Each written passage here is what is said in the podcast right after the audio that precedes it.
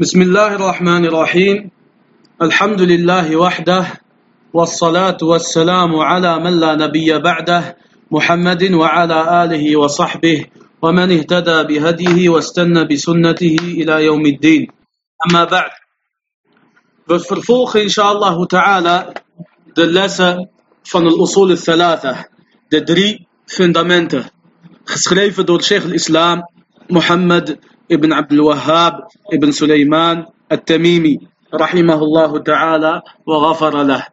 Deze grote geleerde, gestorven in het jaar 1206 na de hijra van de profeet sallallahu alayhi wasallam.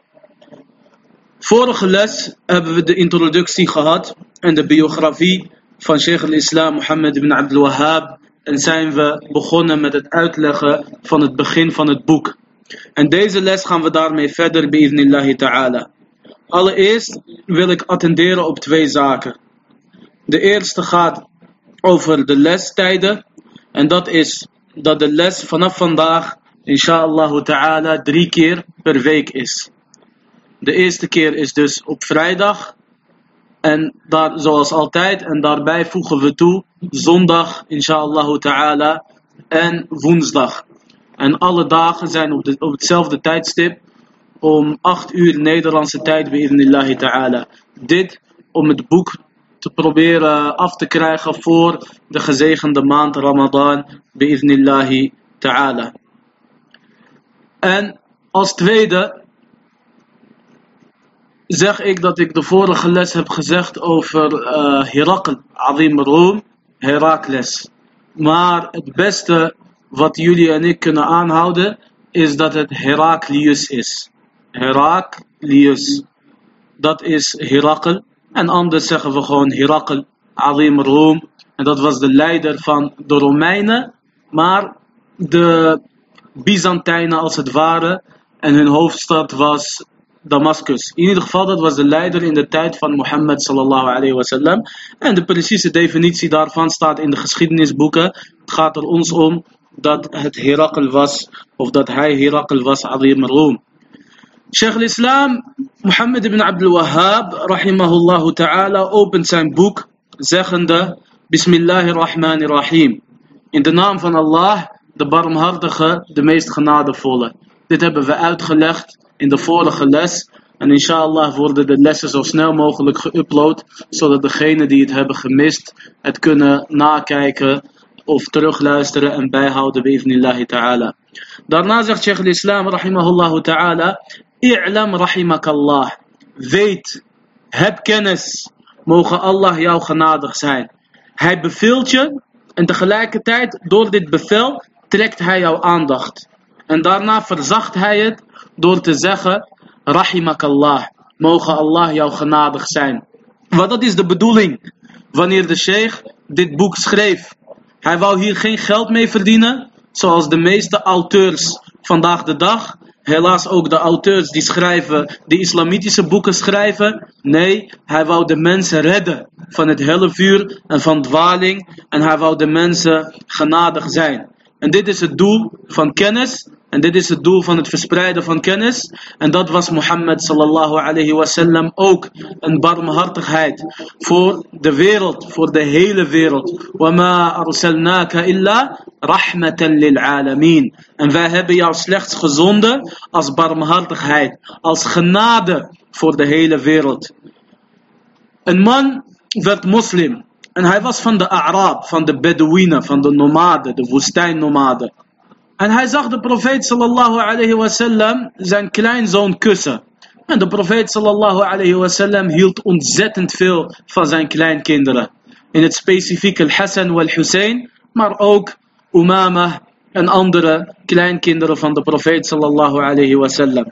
En deze Arabi, deze Bedouine, deze harde Arabier radiallahu anhu, die stond versteld toen hij dit zag.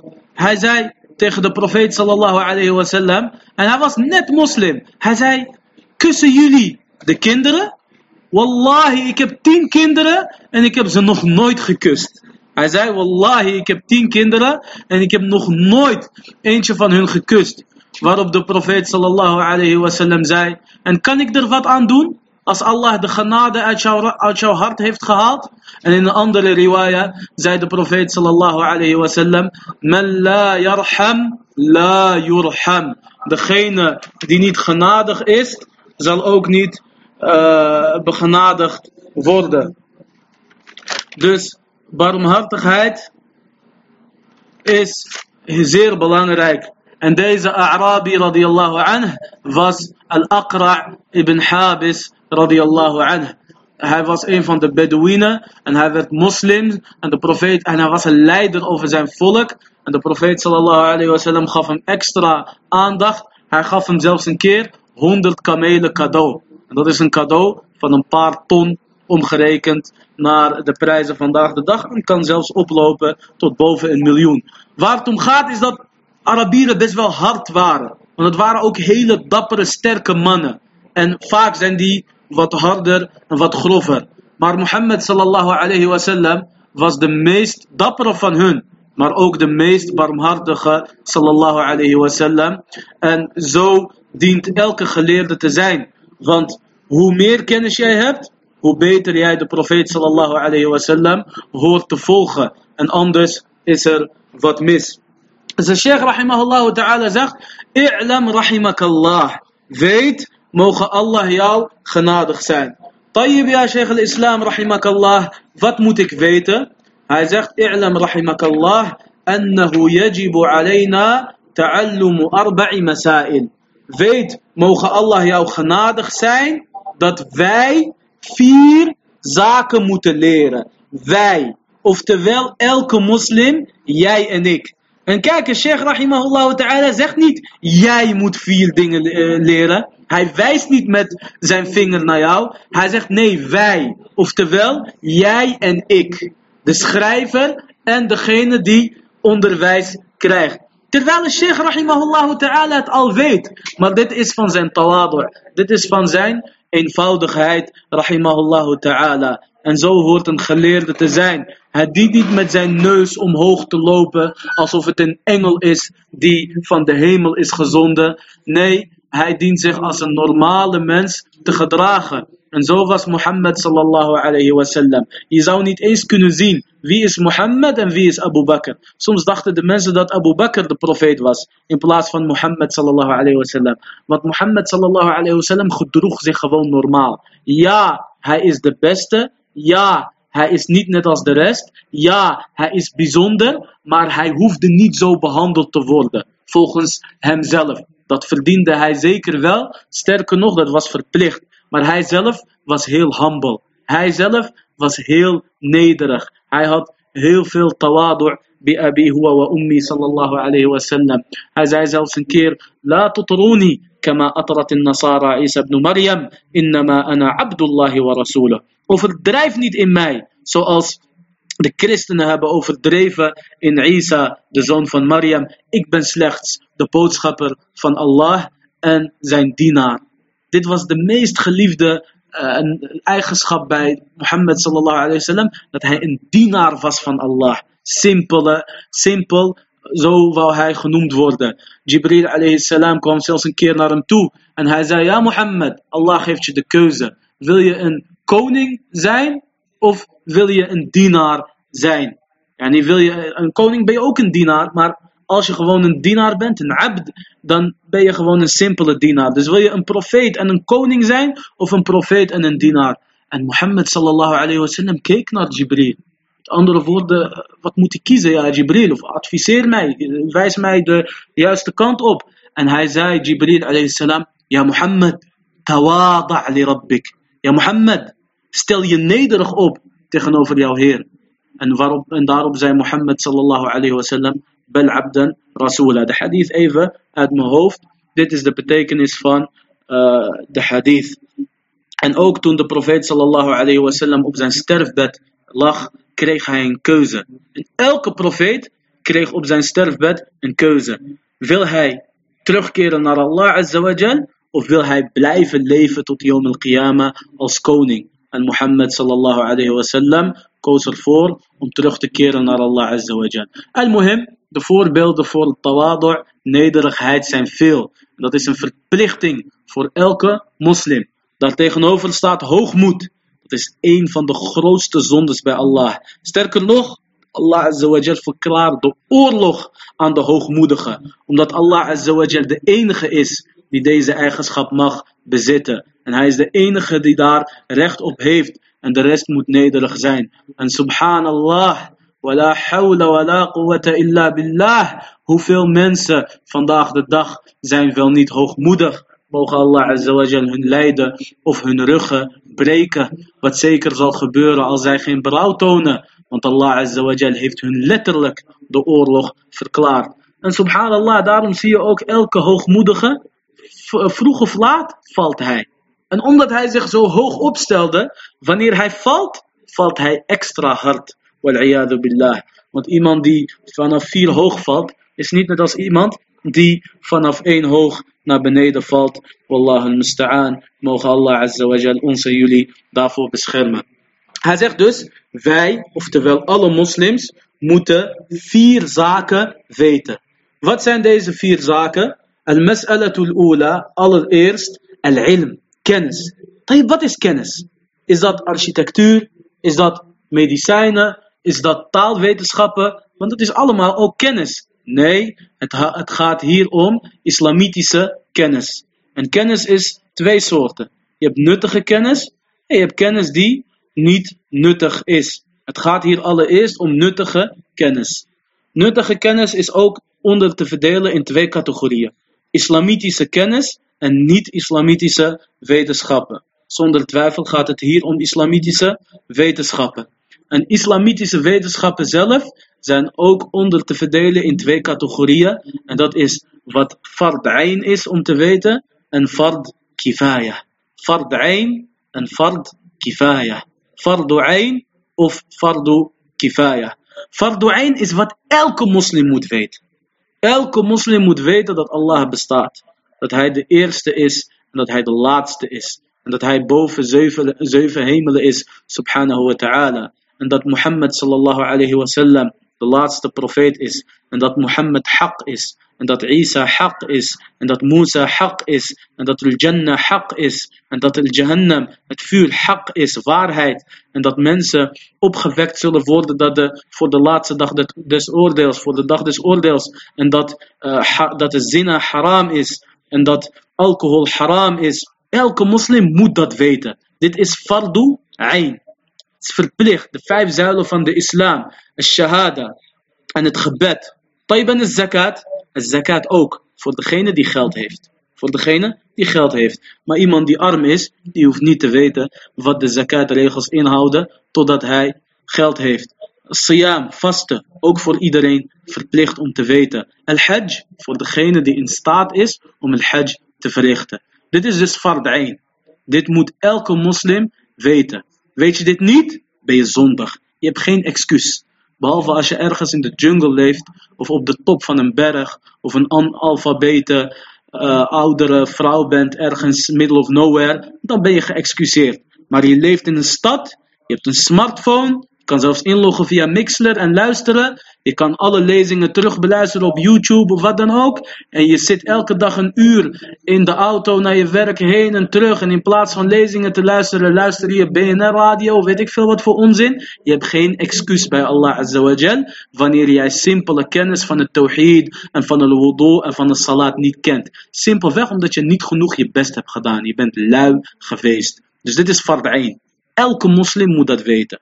En wie dat niet weet, is zondig. En ook elke ouder moet het tawhid en eh, vasten en bidden en wudu uitleggen aan zijn kinderen. Tweede soort van kennis is fard kifaya. Dat is verplicht op een gedeelte van de umma. Niet iedereen. Maar als niemand het doet, dan is iedereen zondig. Maar als een gedeelte van de umma dit doet, de geleerde, dan is de rest niet zondig.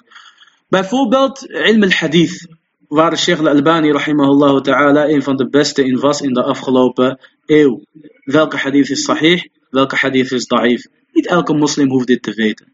Net als niet elke moslim een chirurg hoeft te zijn. Maar stel je voor, we hebben helemaal geen chirurg in de umma. Nou, dan hebben wij allemaal een probleem. Want dit zijn wetenschappen die wij moeten weten om de moslims te helpen. Hadith wetenschappen, tajweed uh, erfrecht bijvoorbeeld, ilm al-mawarith. Niet elke moslim hoeft dit te weten. Maar een gedeelte van de umma moet dit kennen.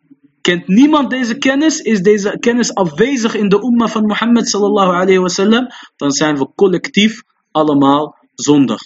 Dus het eerste wat, wat, wat wij moeten weten is kennis. Wat voor kennis? Sheikh al-Islam rahimahullah ta'ala zegt, kennis is huwa ma'rifatullah.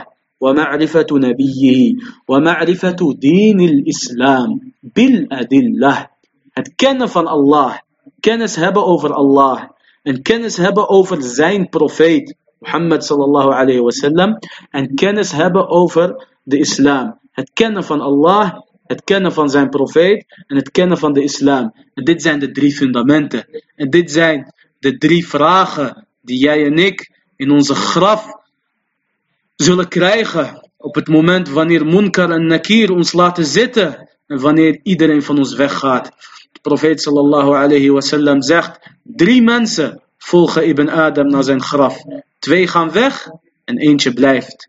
Zijn familie volgen hem en zijn geld en zijn daden. Zijn familie en geld gaan weg. Oftewel, je hebt niks meer aan je familie wanneer ze weglopen. De profeet sallallahu alayhi heeft zelfs gezegd dat we hun voetstappen zullen horen. Je geld heb je ook niks meer aan. Dat wordt verdeeld. Zelfde avond nog. In ieder geval dezelfde maand, zo snel mogelijk. Als ze al dan niet daar ruzie om gaan maken. Wordt het geld verdeeld, dus daar heb jij ook niks meer aan. En wat blijft over?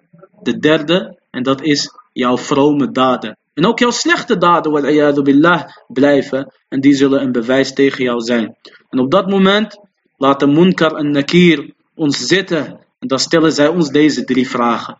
Men Rabbuk, وَمَنْ نَبِيُّكَ وَمَا دِينُكَ En op dat moment is het niet onze tong die praat, maar onze daden. Dus barakallahu fikum, laten we onze best doen om goede daden te verrichten. Betekent niet dat je geen zondes meer zult maken. Betekent niet dat je perfect hoeft te zijn. Maar het betekent wel zoals de profeet sallallahu alayhi wa sallam zei. وَأَتْبِعِ السَّيِّئَةَ الْحَسَنَةَ تَمْحُهَا وَخَالِقِ النَّاسَ بِخُلُقٍ حَسَنٍ En laat de zonde opvolgen door een goede daad, zodat de zonde gewist wordt. En ga met de mensen om op een goede manier. Tayyib, hoe moeten wij Allah kennen? Hoe moeten wij de profeet sallallahu alayhi wasallam kennen? Hoe moeten wij de islam kennen? Met emoties? Met mening? Met ik vind of ik denk? Volgens mij, mijn gevoel zegt? Nee, dat helpt niet. Dat is ook geen kennis, maar dat is gewoon gissen. Sheikh al-Islam rahimahullah ta'ala zegt, bil adillah, met bewijzen. En bewijzen, barakallahu, fiek, barakallahu fikum, is niet mijn vader heeft gezegd, mijn zus heeft gezegd, mijn opa heeft gezegd, de imam van de moskee heeft gezegd, sheikh weet ik veel wie heeft gezegd, Allahu a'lam, of die Sofi sheikh graven aanbidt of wat dan ook. Nee, kennis is qala Allah, qala Rasul, qala Sahaba. Allah heeft gezegd, de profeet sallallahu alayhi wasallam heeft gezegd en de sahaba hebben gezegd. Ik geef een voorbeeld. Ramadan staat voor de deur. Salat al-Maghrib is wanneer de zon ondergaat. En dan wil je gaan eten. En dan komt er een familielid met een geweldige mening. Je hoort de adhan. Je ziet de zon letterlijk ondergaan. KNMI kan je gewoon checken wanneer de zonsondergang is. En dan komt er een geweldige familielid, zegt hij nee, we wachten nog even vijf minuten voor de zekerheid. Tayyib, deze zekerheid, jazakallah khair. Is dit iets wat in de Koran staat en in de Sunnah? Zegt nee, maar dan weten we zeker dat we niet te vroeg hebben gegeten. Waar haal je dit vandaan? Waar baseer je dit op? Nergens op. Dit zuigt hij letterlijk uit zijn duim. Als we gaan kijken naar de sunnah van de profeet sallallahu alayhi wasallam, wat bewijs dus is, zien we wat anders. En dat is de uitspraak van de profeet sallallahu alayhi wasallam. Ahabbu nasi, ahabbu al-ibadi ila Allah, a'jaluhum fitra. De meest geliefde dienaren bij Allah zijn degene die het snelst, die het snelst iftar verrichten, die het snelst hun vasten verbreken. Dus dit is de sunnah van de profeet sallallahu alayhi wasallam. En in een andere hadith zegt de profeet sallallahu alayhi wasallam, het gaat nog steeds goed met de mensen, zolang zij hun vasten snel verbreken en hun suhoor zoveel mogelijk uitstellen. Dus dit is bewijs, dit is sunnah en niet mijn mening of jouw mening, hoe geweldig die ook is. En daarom zegt Ali radiyallahu anhu, de neefje van de profeet sallallahu alayhi wasallam en de vierde khalifa van deze ummah, لو كان الدين بالرأي لكان مسح أعلى الخف أولى من مسح أسفله. Als deze religie volgens meningen was, als het gewoon volgens jouw logica was, dan zouden we eerder, afwan, lakana mashu adna khuf awla min a'lah. Dan was het vegen van de onderkant van de sokken logischer en eerder dan het vegen van de bovenkant. Wanneer wij wudu doen en we mogen over onze sokken vegen, dan vegen we de bovenkant. Terwijl wudu is eigenlijk een van de wijsheden is het verwijderen van viezigheid. De onderkant van mijn sok is viezer dan de bovenkant. Maar toch veeg je de bovenkant en niet de onderkant. Waarom? Allahu a'lam. Die hikma is bij Allah azawajal. Alleen Allah weet dat. Wij luisteren en wij gehoorzamen. Waarom? Omdat die kennis aan ons is toegekomen via Mohammed sallallahu alayhi wasallam. Dus wij luisteren en wij gehoorzamen. Dus dit is kennis. Het kennen van Allah, het kennen van de profeet en het kennen van de islam middels bewijzen. Middels bewijzen, barakallahu fikum. En niet Sheikh Fulan heeft gezegd, of Sheikh Alan, of mijn vader, of mijn moeder, of mijn zus, of mijn buurman, of mijn man, of mijn vrouw. Ik vertrouw hem. Alhamdulillah, hij is te vertrouwen, mogen Allah azawajal hem belonen. Maar hij is een mens. En alles vanuit deze dien valt te traceren. Vanuit de kitab en van de sunnah van de profeet sallallahu alayhi wasallam. Vooral de grote zaken. Dus vraag om bewijs. En schroom je niet om bewijs te vragen. Maar dan moet je het bewijs natuurlijk wel kunnen verstaan. En daarom is het verplicht voor ons allemaal om Arabisch te leren. En hierbij doe ik, doe ik ook een oproep aan de ouders. Beste ouders, mogen Allah Azawajal jullie belonen. Leer Arabisch. Tegenwoordig heb je Skype-lessen, 5, 6 euro per uur. Met Egyptische docenten kan je Arabisch praten en Arabisch leren. Het is niet ideaal, maar beter iets dan niets. En praat ook Arabisch tegen jullie kinderen. Yani, schandaliger is dat sommige ouders Arabisch kennen. En wat ze kennen, geven ze niet eens door aan hun kinderen. Op zijn minste derija. Op zijn minst. En het derija is niet genoeg. Maar liever scheel dan blind. Liever dat je een beetje kan zien, al zie je scheef, dan dat je helemaal niet kan zien. Want in het land van blinden is één nog koning. Praat Arabisch met je kinderen. Zoveel mogelijk, zoveel mogelijk, zoveel mogelijk. Want wallahi, een kind dat vloeiend Arabisch kent, ook al gaat hij afdwalen in zijn puberteit, op de dag dat hij wil terugkomen naar Allah Azawajal en berouw wil tonen, is de weg makkelijk. Pak de Riyad al-Salihin, begrijpt gelijk. Pak de Koran, begrijpt gelijk. Luistert een, uh, luistert een vermaning, een reminder, een lezing in het Arabisch, begrijpt gelijk. Maar wanneer een kind geen Arabisch kan, wallahi, tussen hem en de islam is er een brug. Is er een, is er een rivier. Allahu a'lam. Allahu a'lam, tussen hem en het begrijpen van de islam, beter gezegd. Want hij is gewoon moslim, of zij is gewoon moslima. Maar Allahu a'lam of ze kunnen overzwemmen of niet. Want ze hebben geen zwemles gehad. En zwemles, dat is Arabisch. Barakallahu fikum. Dus wallahi, beste ouders, barakallahu fikum. Leer jullie kinderen Arabisch. Dit is geen optie, maar dit is een verplichting. Doen jullie dit niet, dan zijn jullie zondig bij Allah Azza wa Jal. Umar radiallahu anhu zegt: Ta'allamu al-Arabiyyah fa innaha min dinikum. Leer het Arabisch, want het hoort zeker tot jullie religie. Nadat we kennis hebben opgedaan, zegt Sheikh al-Islam rahimahullah ta'ala, tweede zaak die wij moeten kennen is al-amalu bihi. Het handelen naar deze kennis. Want het heeft geen zin.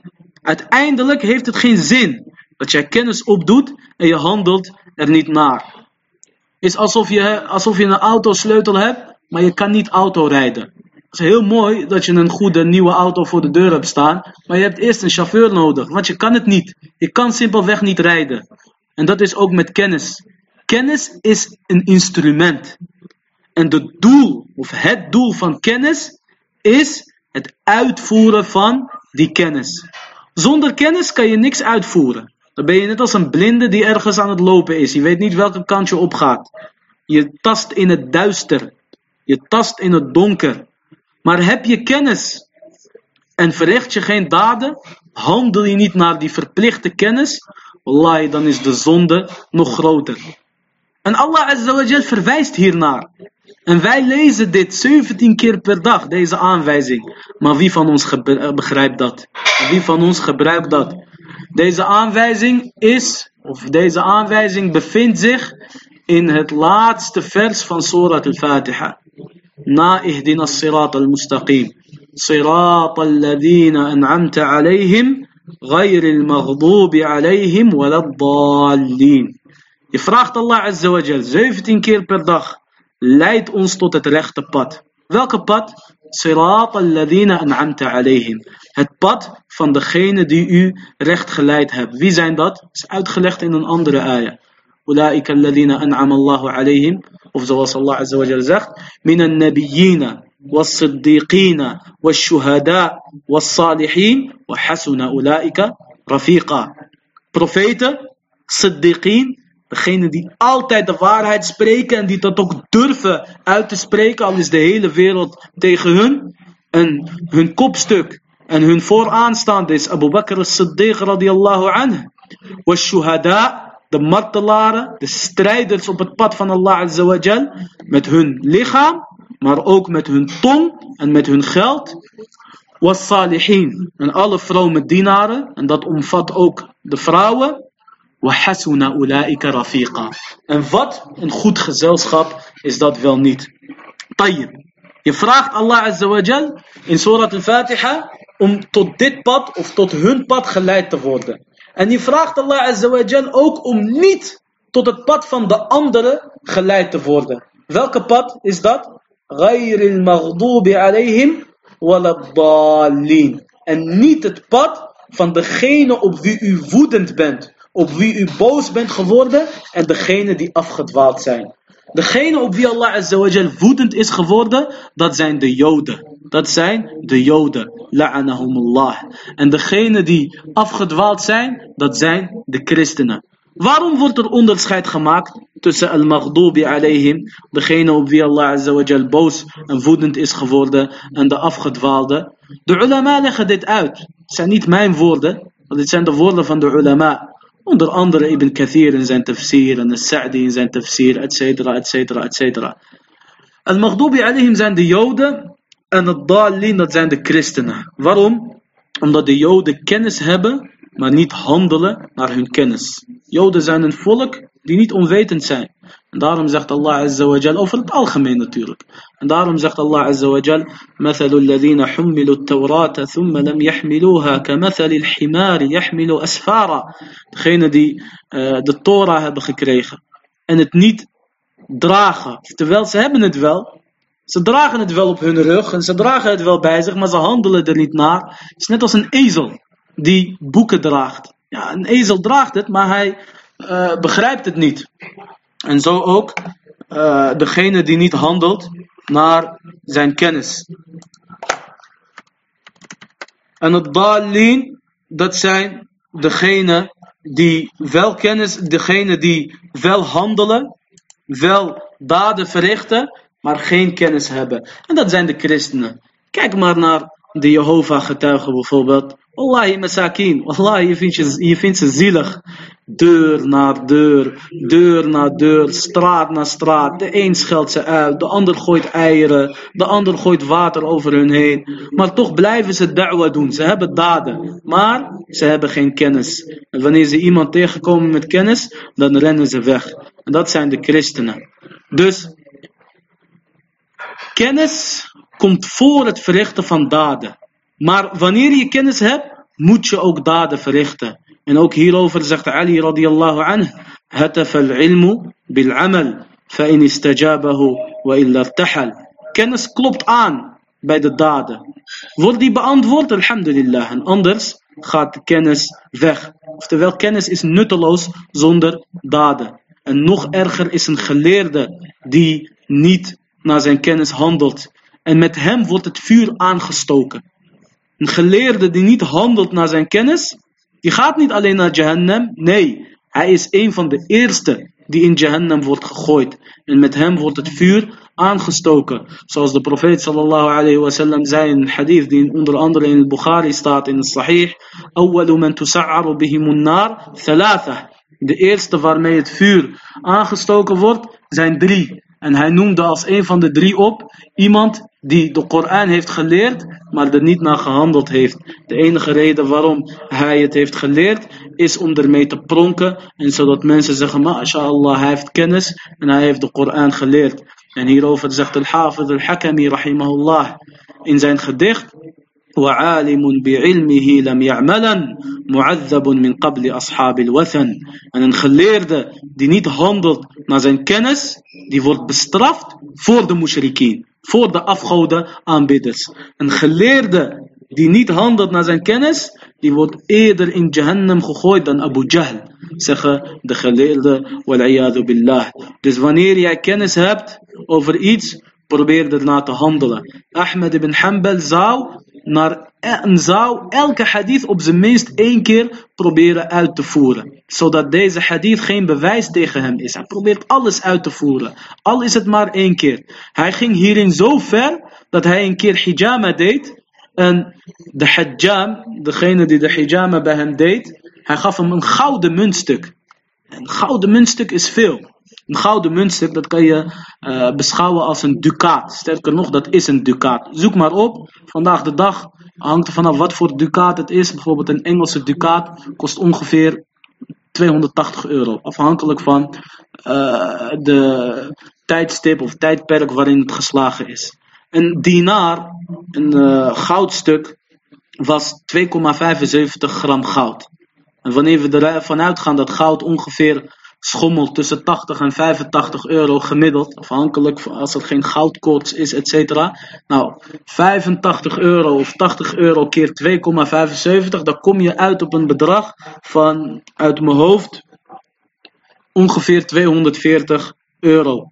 En dat kan stijgen en dat kan dalen. Dat is veel voor een hijama. De beste hijjam vandaag de dag in 2020 vraagt 50 euro. En je hebt, eh, vooral in de Arabische landen kan je het voor 10 euro doen. Ahmed ibn Hanbal gaf hem meer dan 200 euro, omgerekend, omgerekend naar de koers vandaag de dag. Ze zeiden tegen hem, waarom ja imam? Hij zei omdat de profeet sallallahu alayhi wasallam een keer hijjama heeft gedaan en de hijjam een gouden muntstuk gaf. Zo ver gingen deze geleerden. Ahmed ibn Hanbal praat niet meer in termen van halal en haram in termen van verplicht of aanbevolen. Ahmed ibn Hanbal is op een andere level.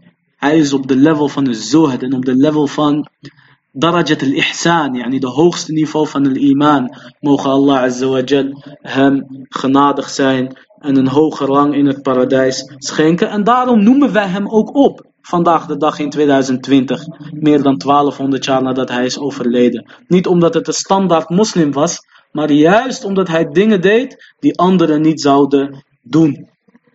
Dus dat is het handelen naar kennis.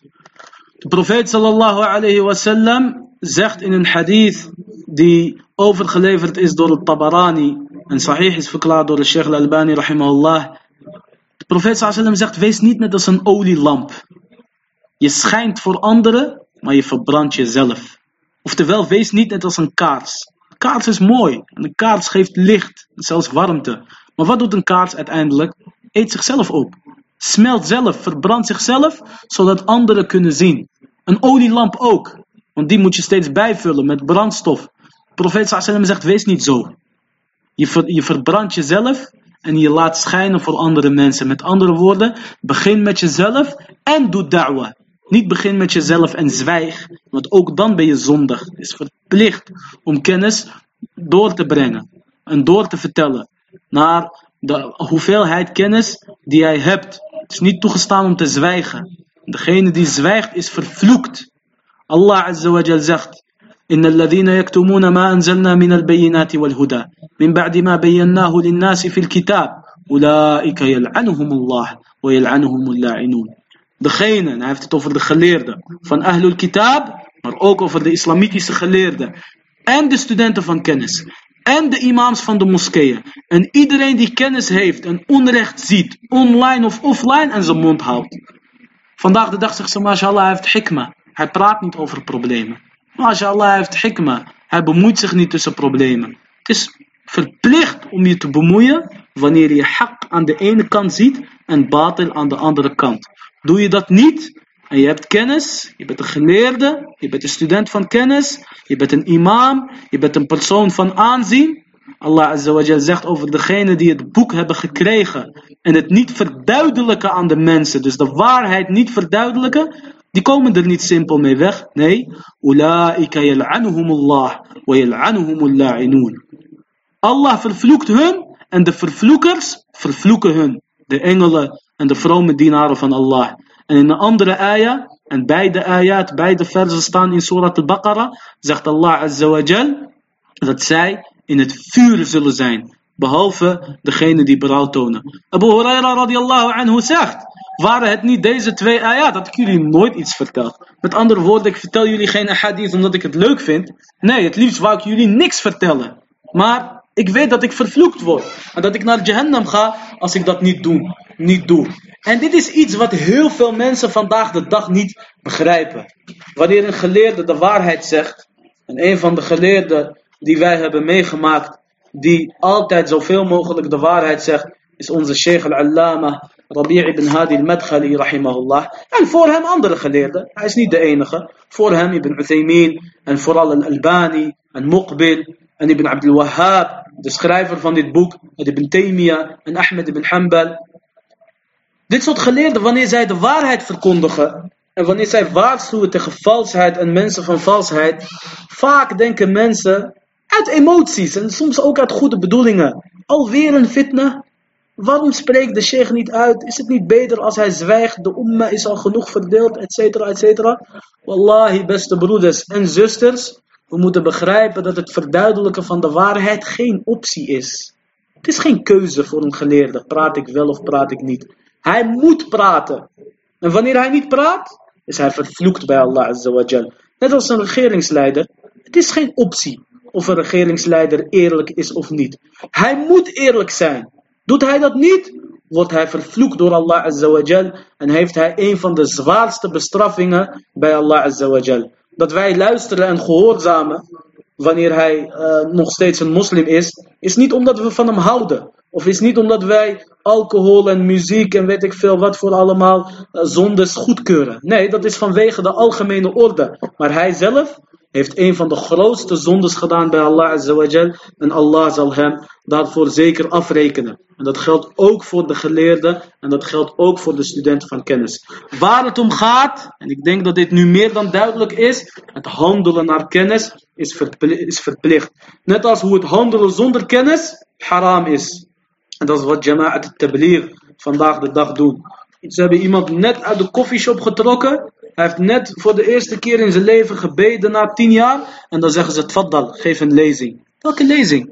Waarschijnlijk zit die sigarettengeur of de wietgeur of de drugsgeur eh, nog in zijn kleren. Als het niet in zijn zakken zit. En hij moet een lezing geven. Zo werkt de islam niet. Zo werkt de islam niet. Eerst kennis en dan pas handelen en dan pas praten. Maar handelen en praten is ook verplicht wanneer wij kennis hebben. Dus allereerst kennis en daarna handelen, zelf handelen naar die kennis. Want wanneer je zelf niet handelt naar die kennis, ben je niet geloofwaardig. Net als een vader die tegen zijn zoon zegt niet roken, terwijl hij zelf dag en nacht rookt als een schoorsteen. billah. De derde vorm, of de derde zaak die wij moeten weten, is het da'watu ilayh. Het uitnodigen naar Allah Azza wa. En dit is een verplichting. وَلْتَكُمْ مِنْكُمْ أُمَّةً يدعون إلى الخير يأمرون بالمعروف وينهون عن المنكر وأولئك هم المفلحون Hoe vaak zegt Allah Azza wa Jal wel niet in de Koran dat een gedeelte van deze umma moet opstaan en tot het goede moet roepen en het slechte moet verbieden en bekritiseren. En dat zijn de winnaars bij Allah Azza wa Jal. Dat zijn de winnaars. Waarom? Niet iedereen kan die klappen vangen. En niet iedereen kan de da'wa verdragen. Wallahi, het gaat ten koste van jezelf. Het gaat ten koste van je geld. Het gaat ten koste van je familie. Het gaat ten koste van je kinderen. Het gaat ten koste van... Uh, veel mensen zullen niet van je haten, uh, houden. Veel mensen zullen je haten. Allahu a'lam. Of je het overleeft of niet. Of je een vrije man zult blijven of niet. Lakin, dit is de meest nobele daad bij Allah Azawajal. Dit is de toppunt van de daden. Het uitnodigen naar Allah Azawajal. En weinigen kunnen dat. En nog weinigen, nog minder mensen houden dat vol. En dit, barakallahu fikum, dit is de baan, dit is de carrière van de profeten. Net als hoe dat eentje timmerman is, een andere zakenman en een andere bankier. De echte carrière en de meest succesvolle carrière, dat is niet voetballer of bokser of vlogger of wat dan ook. Nee, dat is het zijn van een uitnodiger naar Allah Azza naar de sunnah en het hebben van geduld daarop. De profeet sallallahu alayhi wa sallam werd gevraagd, من أشد الناس ابتلاء قال الأنبياء قيل ثم من قال الأمثل فالأمثل De profeet sallallahu alayhi wa sallam werd gevraagd wie wordt het meest beproefd van deze umma. Hij zei sallallahu alayhi wa sallam de profeten. Er werd gezegd en daarna wie? En wie wordt het meest beproefd na de profeten? Hij zei al-amthalu fal-amthal. Degene die het meest op hun lijkt en degene die het meest op hun lijkt. En wat deden de profeten? Die waren niet stil, die verrichten da'wa. Die verrichten da'wa, barakallahu fiek. Barakallahu fikum. Dus degene die het meeste lijkt op de profeten, is degene die de meeste da'wa verricht. Barakallahu fikum. Dus probeer tot hun te behoren. Niet zonder kennis, maar wanneer je kennis hebt. En wanneer je kennis hebt, dan weet je ook wanneer je moet praten en wanneer je moet zwijgen. Dat betekent soms dat je zult spreken wanneer iedereen zwijgt. Maar dat betekent ook dat je zult zwijgen wanneer iedereen praat. Vaak is dat met politieke zaken en revoluties, etc. En dan zeggen ze, waarom zijn de geleerden stil? Geleerden zijn stil omdat ze iets slimmer zijn dan jou en mij omdat ze het iets beter begrijpen. Omdat ze iets meer ervaring hebben. En omdat ze de geschiedenis hebben bestudeerd. En de geschiedenis herhaalt zichzelf. En ze weten wat er gaat gebeuren wanneer zij praten. Etcetera, etcetera. En het is niet de bedoeling om hierover te veel te praten in deze lessen. Dus allereerst het opdoen van kennis. Ten tweede het handelen naar die kennis. Ten derde het uitnodigen naar deze kennis. En ten vierde het hebben, as-sabru ala al-adafi.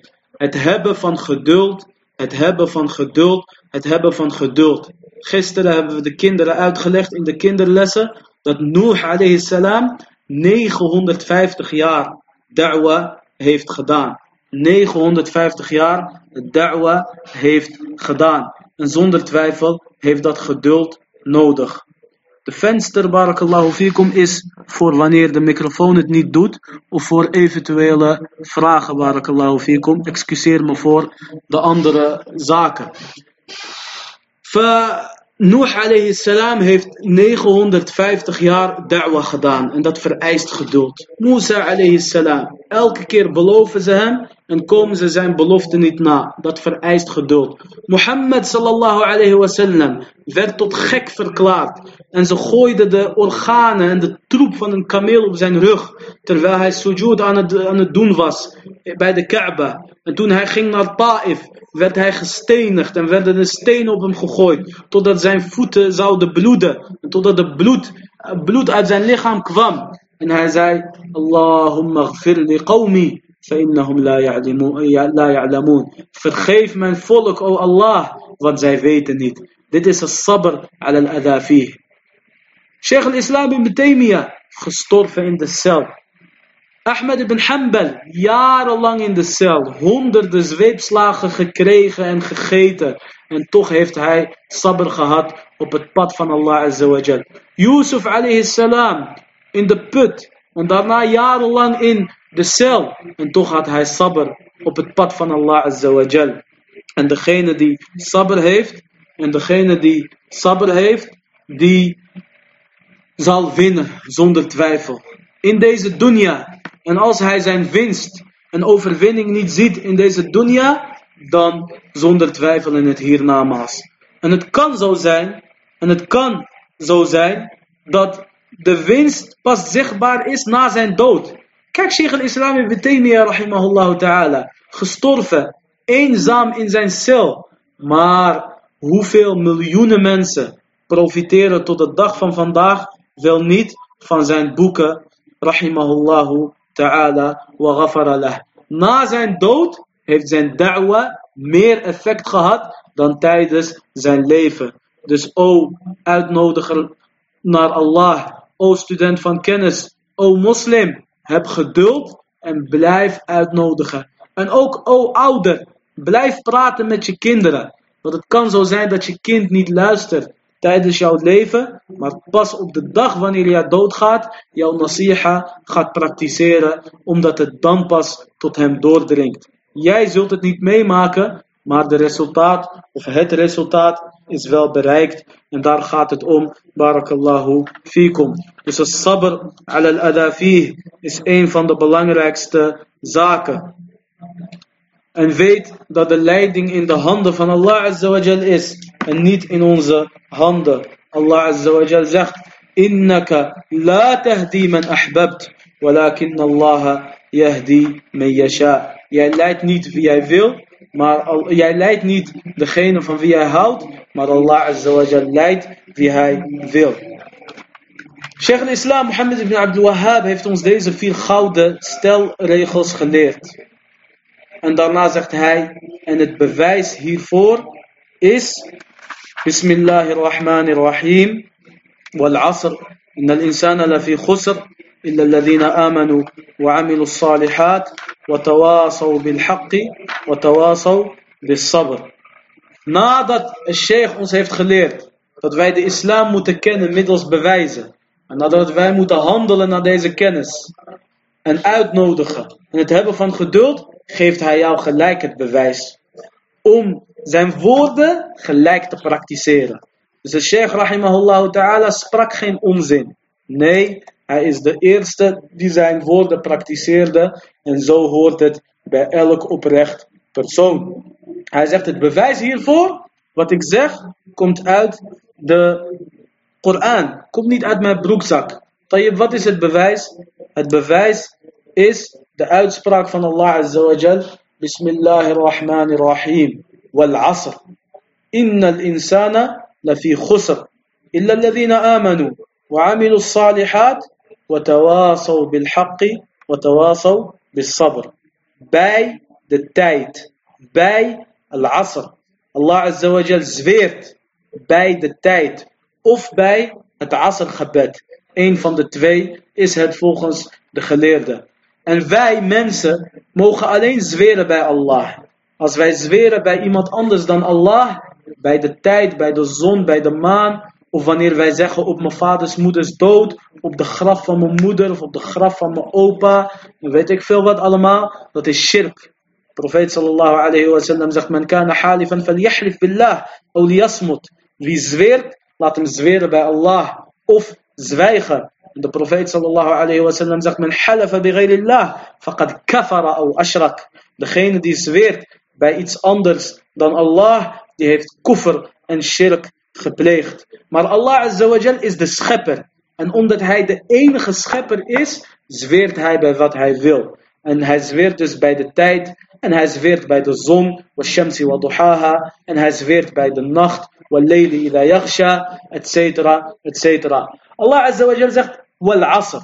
En wanneer Allah azza wa jal zweert met al asr. Dan zegt dat wat over de tijd. Dat de tijd iets heel belangrijks is. En zonder twijfel. Het belangrijkste wat wij in ons leven hebben. Is onze tijd. En vooral onze vrije tijd. Sterker nog, jij en ik bestaan eigenlijk uit tijd. Want onze leven bestaat uit jaren. En de jaren bestaan uit maanden. En de maanden bestaan uit weken. En de weken bestaan uit dagen. En de dagen bestaan uit uren. En de uren bestaan uit minuten. En de minuten bestaan uit secondes. En elke seconde die voorbij gaat, elke minuut, elk uur is een stukje tijd die voorbij gaat. is een stukje leven die van ons afsterft. Dus let op jullie tijd. Barakallahu fikum. En Allah azawajal zweert daarbij. Of hij zweert bij het gebed van al-Asr.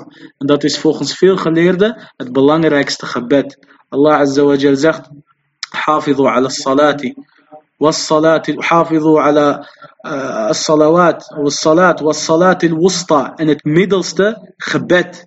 En wat is dat? Je hebt Fajr, Dhuhr, dan heb je Asr, dan heb je weer Maghrib en Isha. Volgens veel geleerden is het het Asr gebed. De profeet sallallahu alayhi wa sallam zei specifiek over het Asr gebed zoals in Sahih al-Bukhari staat. Degene die het Asr gebed gemist heeft, het is alsof hij zijn familie en geld verloren is. Tayyib, Allah azawajal zweert. En altijd wanneer Allah azawajal zweert, moet er een antwoord komen. Waarom zweert Allah azawajal? Waarom zweert Allah azawajal? Innal insana lafi khusr. Waarlijk, zeker, voorwaar, alle mensen zijn verloren. Tayyib, dit is een zware zaak. 6 miljard, 7 miljard mensen leven vandaag de dag op, de op aarde. Zijn allemaal verloren. Ja Rab, is er geen uitzondering? Zijn er niet mensen, een paar mensen die zullen winnen, zodat wij tot hun kunnen behoren? Ja, zeker wel. Maar de oorsprong, de assel, de stelregel is dat de meeste mensen verloren en vernietigd zijn. Oftewel in het hele vuur. En daarom zegt Allah Azza wa Jal, van elke duizend gaan er 999 naar het hele vuur. Dus zeg niet tegen iemand die de waarheid spreekt en preekt, waarom ben jij de enige die dit zegt? Waarom is er in Amsterdam? Waarom is er in Nederland? Waarom is er niemand anders die dit zegt? Waarom zegt alleen deze geleerde dit? Waar zijn de andere geleerden? Dat is geen maatstaf, barakallahu fikum. Maatstaf is kennis. Dus qal Allah, qal Rasul, qal Sahaba. En degene die de waarheid spreekt, dat is de jama'a. Hij is Ahl Sunnah.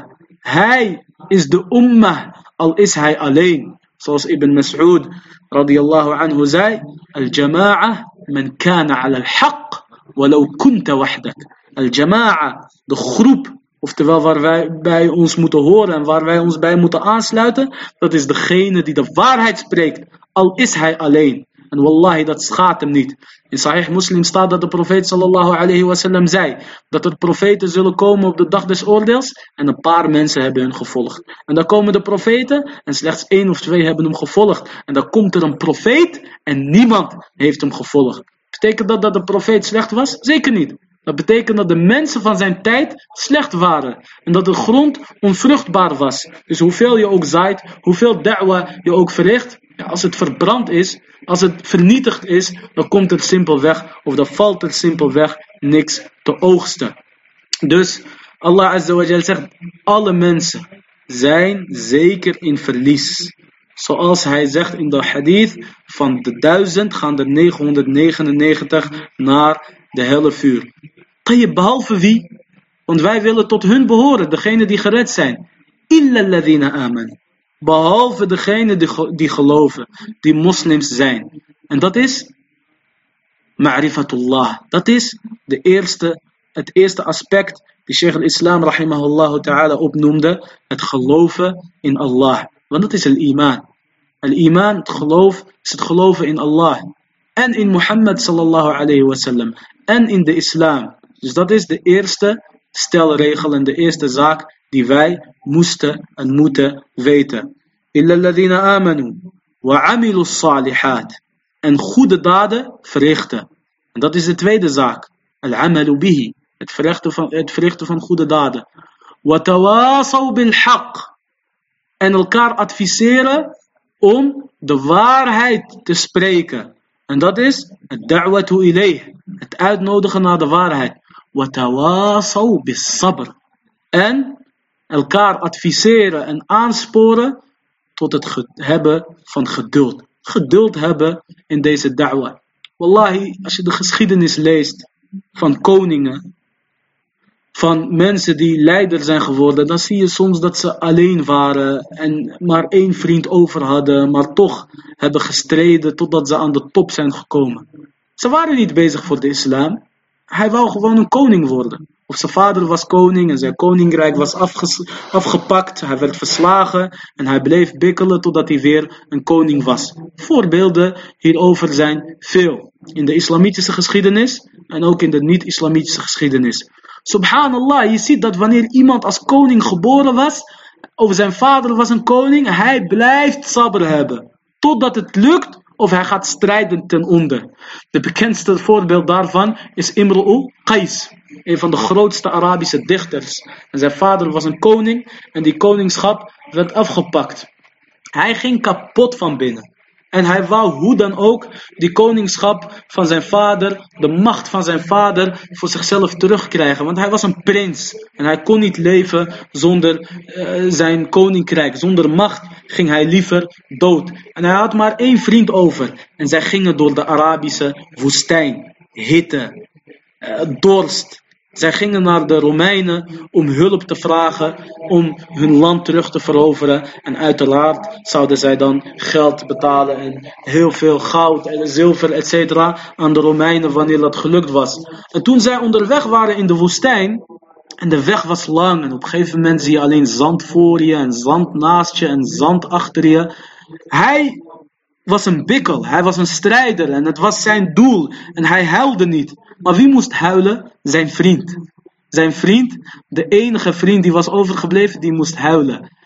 En Imre Oqais keek naar hem en hij zei in twee dichtverzen, en wallahi, deze kunnen in goud geschreven worden. En deze werden in de Jahiliya, dit gedicht is een van de mu'allaqat, een van de zeven gedichten die is opgehangen aan de Kaaba. Zo mooi vonden de Arabieren dat. أن الشيخ الألباني رحمه الله تعالى في سلسلة الهدى والنور زو لاستر دازنت قصيدة باندو فان الشيخ دازنت زيتنغ فان الشيخ نمد هيل فاك ديت ديخت فيرس أوب. أن ذات إز ذا أتسبراك فان إمرء قيس بكى صاحبي لما رأى الدهر دونه وأيقن أن لاحقان بقيصر فقلت له لا تبكي عينك إنما نحاول ملكا أو نموت فنعذر. هذا ما فريند هاولدر toen hij de weg zag, lange weg, en wij wouden naar Caesar gaan. Wij wouden naar Caesar gaan. فقلت له لا تبكي عينك niet huilen laat jouw ogen niet tranen فإنما نحاول ملكا أو نموت فنعذر want wij proberen weer koningen te worden wij proberen ons koninkrijk terug te halen of we gaan strijden ten onder en dan worden wij geëxcuseerd. Namuta fanu'dara. We gaan sterven en dan zegt niemand van hij was bang, hij was een lafaard, hij deed niks. Ze hebben zijn koninkrijk afgepakt en hij bleef als een vrouw thuis en hij durfde niet naar buiten te gaan, ondanks dat hij kon doen wat hij zou kunnen doen als koningszoon en als prins met zijn connecties en zijn netwerk. Nee, hij zegt we gaan het proberen. En als we koningen worden, Alhamdulillah. En anders gaan we strijden ten onder. Dit zei hij niet voor Allah. Dit zei hij voor geld. En voor macht. En voor koninkrijk. Degene die uitnodigt naar de zaak van Allah. Dient nog meer inzet te hebben. En nog meer kracht. En nog meer geduld. Dan een koning wiens koninkrijk is afgepakt. Mogen Allah Azza wa Jal ons en jullie vergeven. En mogen Allah Azza wa Jal ons alle het succes schenken. Dus dit Allah azawajal zegt, watawasau bil haqqi, watawasau bis sabr. Elkaar aansporen tot het hebben van geduld en elkaar, aansporen om de waarheid te volgen en elkaar aansporen om geduld te hebben. Het is moeilijk wanneer jij de enige bent van jouw gezin of de enige van jouw stamboom die praktiseert of die bidt. En helemaal onze bekeerlingen. Mogen Allah azawajal hun belonen en hun standvastig houden. Wij geboren moslims hebben makkelijk praten. Vooral degene die is geboren in een gezin die de sunnah respecteren. Maar onze bekeerlingen, broeders en met name zusters. Allah, jullie willen niet weten wat zij meemaken. Mogen Allah Azza wa hun standvastig houden en succes schenken. Dus dit is wat een ware moslim doet. En dit is het bewijs voor wat Sheikh al-Islam ibn Taymiyyah, Sheikh al-Islam ibn Abdul Wahhab rahimahullah ons leert. Vier zaken. Knoop dat in je oren. Onthoud dat. Je moet ervan kunnen dromen. En onderwijs het aan jouw kinderen. Allereerst kennis opdoen. Dat is de belangrijkste taak van een moslim. Kennis over zoveel mogelijk kennis van de islam. Want kennis is licht en onwetendheid is duister. Kijk nu met, met dit coronavirus. Ze zijn overal aan het zoeken naar een medicijn. Er ontstaan zelfs conflicten tussen staten, tussen Duitsland en Amerika en weet ik veel wat allemaal, omdat bedrijven opgekocht en uitgekocht en overgekocht willen worden. Waarom? Om dit medicijn. Dit medicijn is kennis.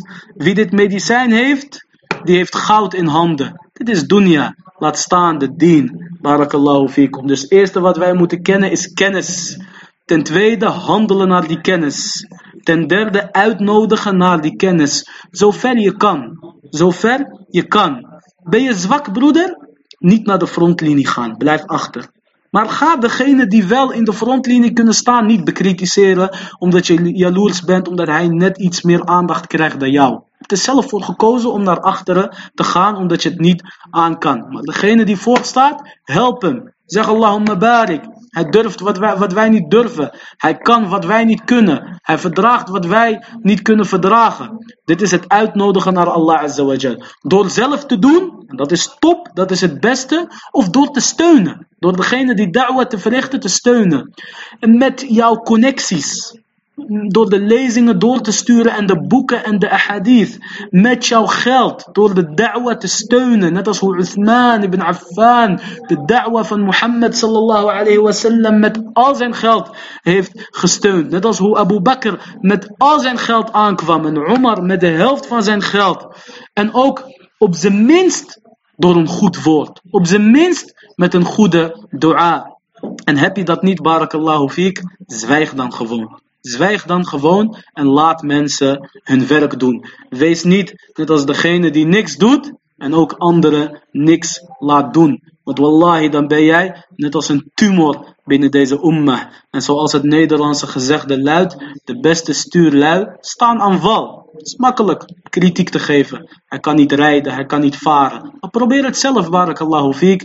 En verdraag datgene wat, en draag datgene wat zij verdragen. Dus het da'wa, dat is de derde zaak, het uitnodigen. En de vierde zaak is as-sabru al Het hebben van geduld. Het opvangen van die klappen. En weinig mensen kunnen dat. En degene die dat kan en hierop blijft tot zijn dood, die is wallahi op de weg van de profeten. Mogen Allah azawajal ons en jullie daartoe en jullie kinderen daartoe horen, daartoe laten behoren. En het zijn weinig, maar wees niet getreurd. Minimaal elke eeuw staat er één iemand op die de dien van Mohammed sallallahu alayhi wasallam doet herleven. De profeet sallallahu alayhi wasallam zegt Allah stuurt elke eeuw, elke eeuw stuurt hij iemand, stuurt hij iemand die deze dien doet herleven. Sheikh bin Baz, rahimahullah ta'ala, werd hierover gevraagd en hij zei, ik denk dat het al-Albani is. Ik denk dat het al Sheikh al-Albani is.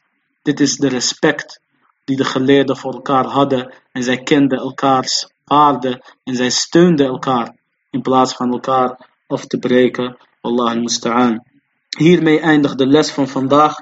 Als er korte vragen zijn, AUB geen lappe tekst, kort en bondig, dan beantwoorden we die in drie minuten en anders sluiten we af. En de volgende les is aanstaande zondag. Wallahu ta'ala a'lam. وصلى الله وسلم على نبينا محمد وعلى آله وصحبه أجمعين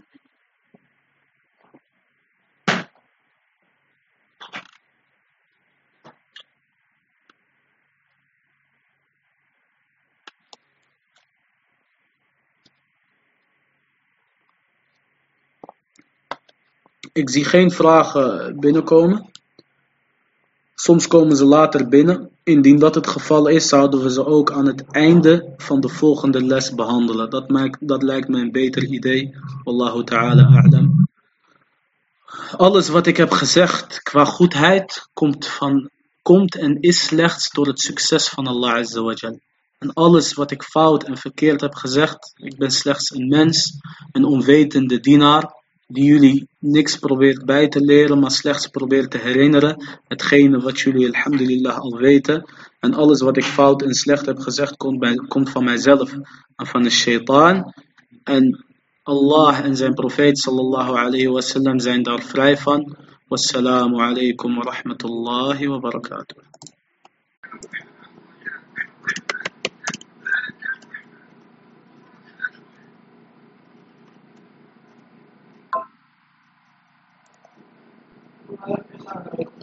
بسم الله الرحمن الرحيم. الحمد لله وحده والصلاة والسلام على من لا نبي بعده محمد وعلى آله وصحبه ومن اهتدى بهديه واستنى بسنته إلى يوم الدين. أما بعد We vervolgen inshallah ta'ala de lessen van de usul al-thalatha, de drie fundamenten, geschreven door Sheikh al-Islam ibn Abdul Wahhab ibn Sulaiman al-Tamimi, rahimahullah ta'ala wa ghafara.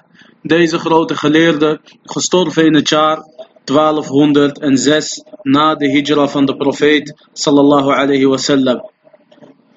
Vorige les hebben we de introductie gehad en de biografie van Sheikh al-Islam Mohammed ibn Abdul Wahhab en zijn we begonnen met het uitleggen van het begin van het boek. En deze les gaan we daarmee verder bi'idnillahi ta'ala.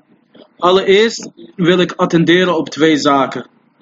De eerste gaat over de lestijden en dat is dat de les vanaf vandaag inshallah ta'ala drie keer per week is. De eerste keer is dus op vrijdag.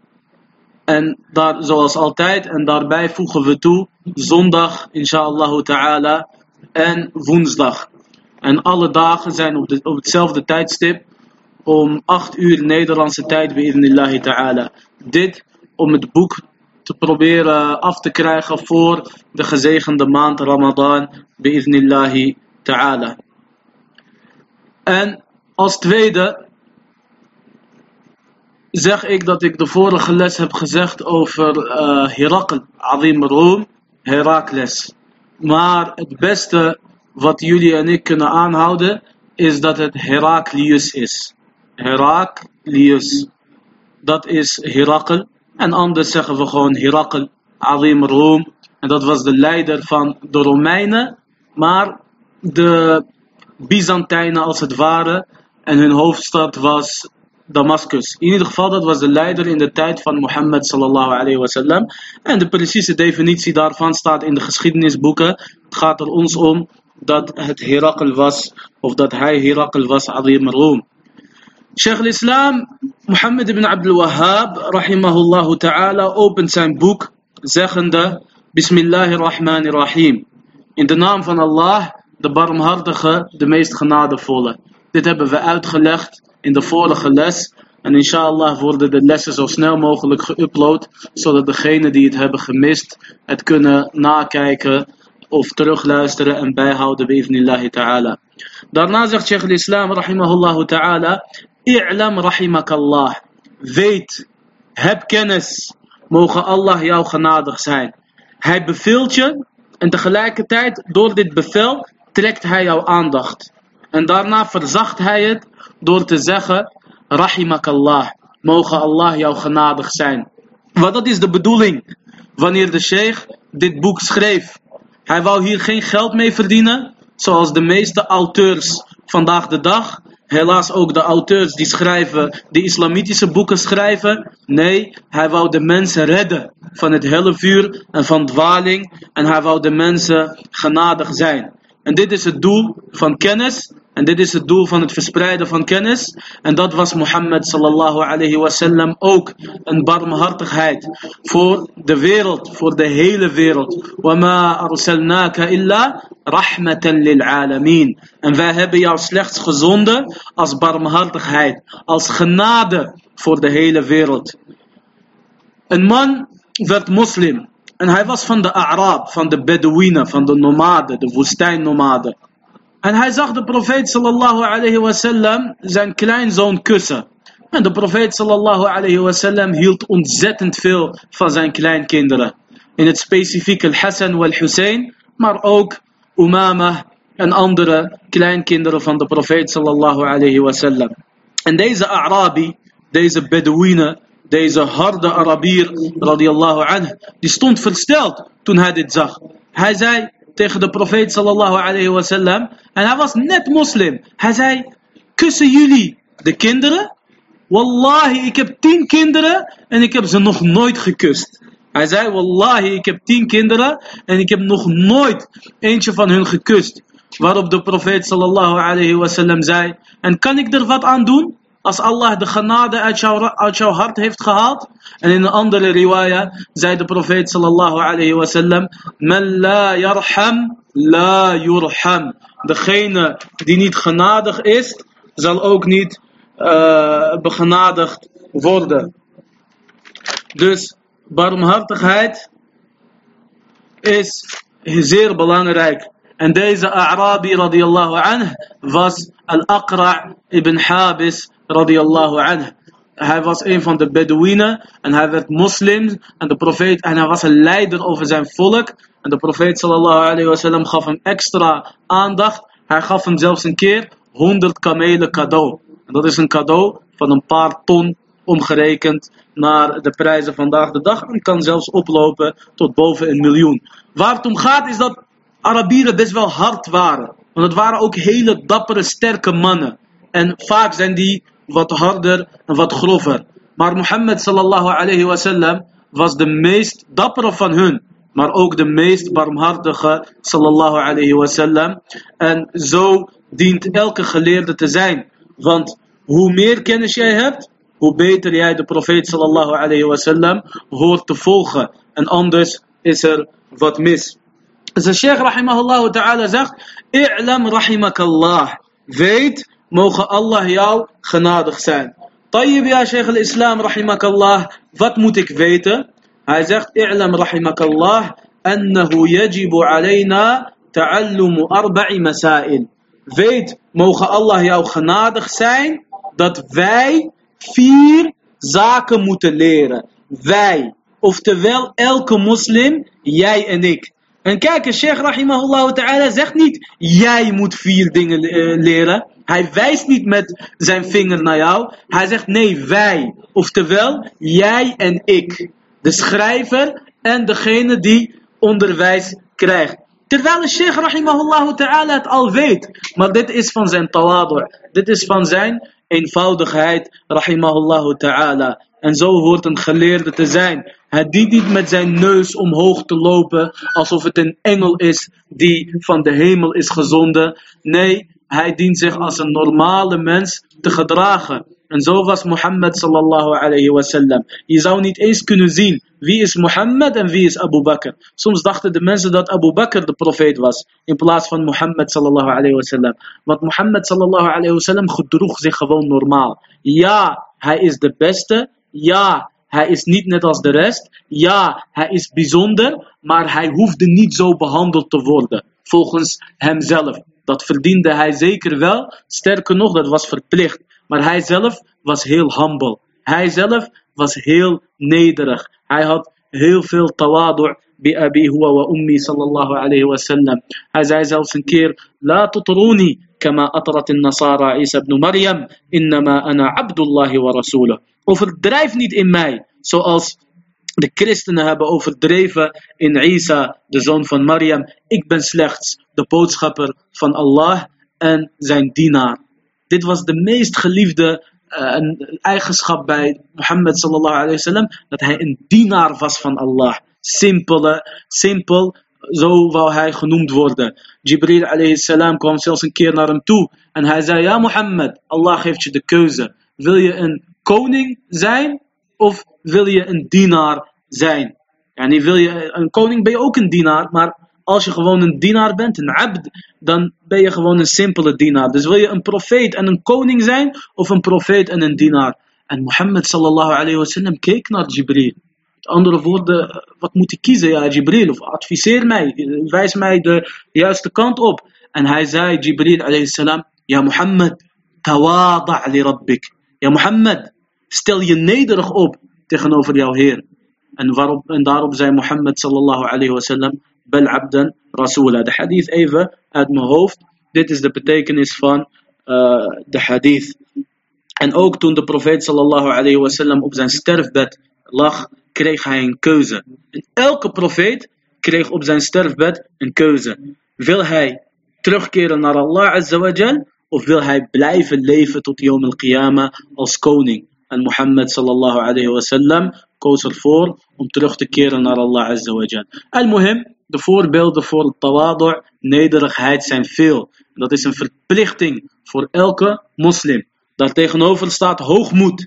Dat is een van de grootste zondes bij Allah. Sterker nog, Allah Azawajal verklaart de oorlog aan de hoogmoedigen. Omdat Allah Azawajal de enige is die deze eigenschap mag bezitten. En hij is de enige die daar recht op heeft. En de rest moet nederig zijn. En subhanallah, wala hawla wala quwwata illa billah. Hoeveel mensen vandaag de dag zijn wel niet hoogmoedig. Mogen Allah Azawajal hun lijden of hun ruggen breken. Wat zeker zal gebeuren als zij geen berouw tonen. Want Allah Azawajal heeft hun letterlijk de oorlog verklaard. En subhanallah, daarom zie je ook elke hoogmoedige, vroeg of laat valt hij.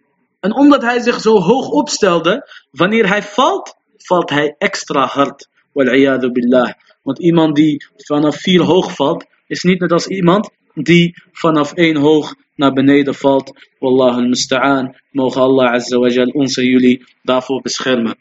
Hij zegt dus, wij, oftewel alle moslims, moeten vier zaken weten. Wat zijn deze vier zaken? Al-mas'alatul ula, allereerst al-ilm, kennis. Wat is kennis? Is dat architectuur?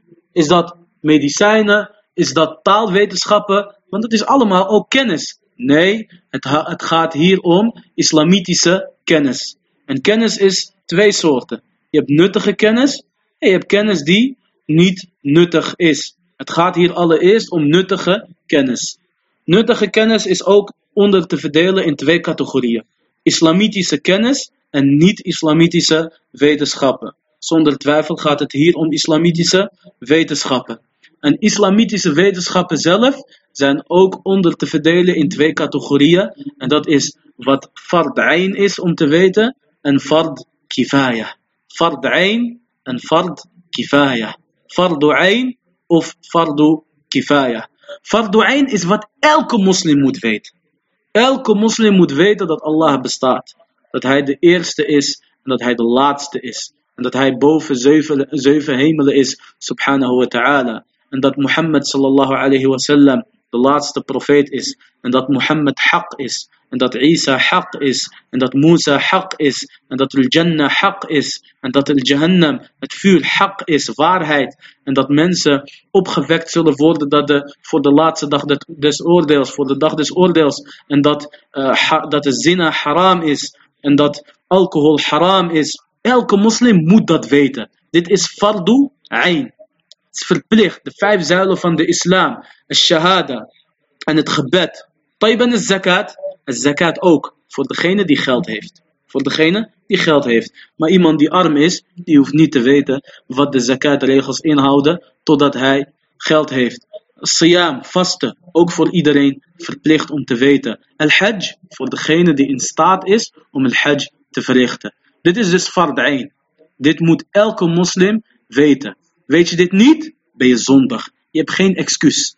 Behalve als je ergens in de jungle leeft, of op de top van een berg, of een analfabete, uh, oudere vrouw bent, ergens middle of nowhere, dan ben je geëxcuseerd. Maar je leeft in een stad, je hebt een smartphone, kan zelfs inloggen via Mixler en luisteren. Je kan alle lezingen terug beluisteren op YouTube of wat dan ook. En je zit elke dag een uur in de auto naar je werk heen en terug. En in plaats van lezingen te luisteren, luister je BNR radio, weet ik veel wat voor onzin. Je hebt geen excuus bij Allah Azawajal wanneer jij simpele kennis van het tawhid en van de wudu en van de salat niet kent. Simpelweg omdat je niet genoeg je best hebt gedaan. Je bent lui geweest. Dus dit is fard'ain. Elke moslim moet dat weten.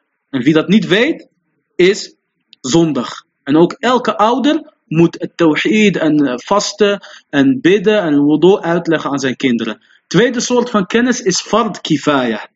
Dat is verplicht op een gedeelte van de umma. Niet iedereen. Maar als niemand het doet, dan is iedereen zondig. Maar als een gedeelte van de umma dit doet, de geleerde, dan is de rest niet zondig. Bijvoorbeeld ilm al-hadith waar Sheikh al-Albani rahimahullah ta'ala een van de beste in was in de afgelopen eeuw. Welke hadith is sahih, welke hadith is da'if. Niet elke moslim hoeft dit te weten. Net als niet elke moslim een chirurg hoeft te zijn. Maar stel je voor, we hebben helemaal geen chirurg in de umma. Nou, dan hebben wij allemaal een probleem. Want dit zijn wetenschappen die wij moeten weten om de moslims te helpen. Hadith wetenschappen, tajweed uh, erfrecht bijvoorbeeld, ilm al-mawarith. Niet elke moslim hoeft dit te weten. Maar een gedeelte van de umma moet dit kennen. Kent niemand deze kennis, is deze kennis afwezig in de umma van Mohammed sallallahu alayhi wasallam, dan zijn we collectief allemaal zondig. Dus het eerste wat, wat, wat wij moeten weten is kennis. Wat voor kennis? Sheikh al-Islam rahimahullah ta'ala zegt, kennis is huwa ma'rifatullah. ومعرفة نبيه ومعرفة دين الإسلام بالأدلة het kennen van Allah kennis hebben over Allah en kennis hebben over zijn profeet Muhammad sallallahu alayhi wasallam en kennis hebben over de islam het kennen van Allah het kennen van zijn profeet en het kennen van de islam en dit zijn de drie fundamenten en dit zijn de drie vragen die jij en ik in onze graf zullen krijgen op het moment wanneer Munkar en Nakir ons laten zitten en wanneer iedereen van ons weggaat.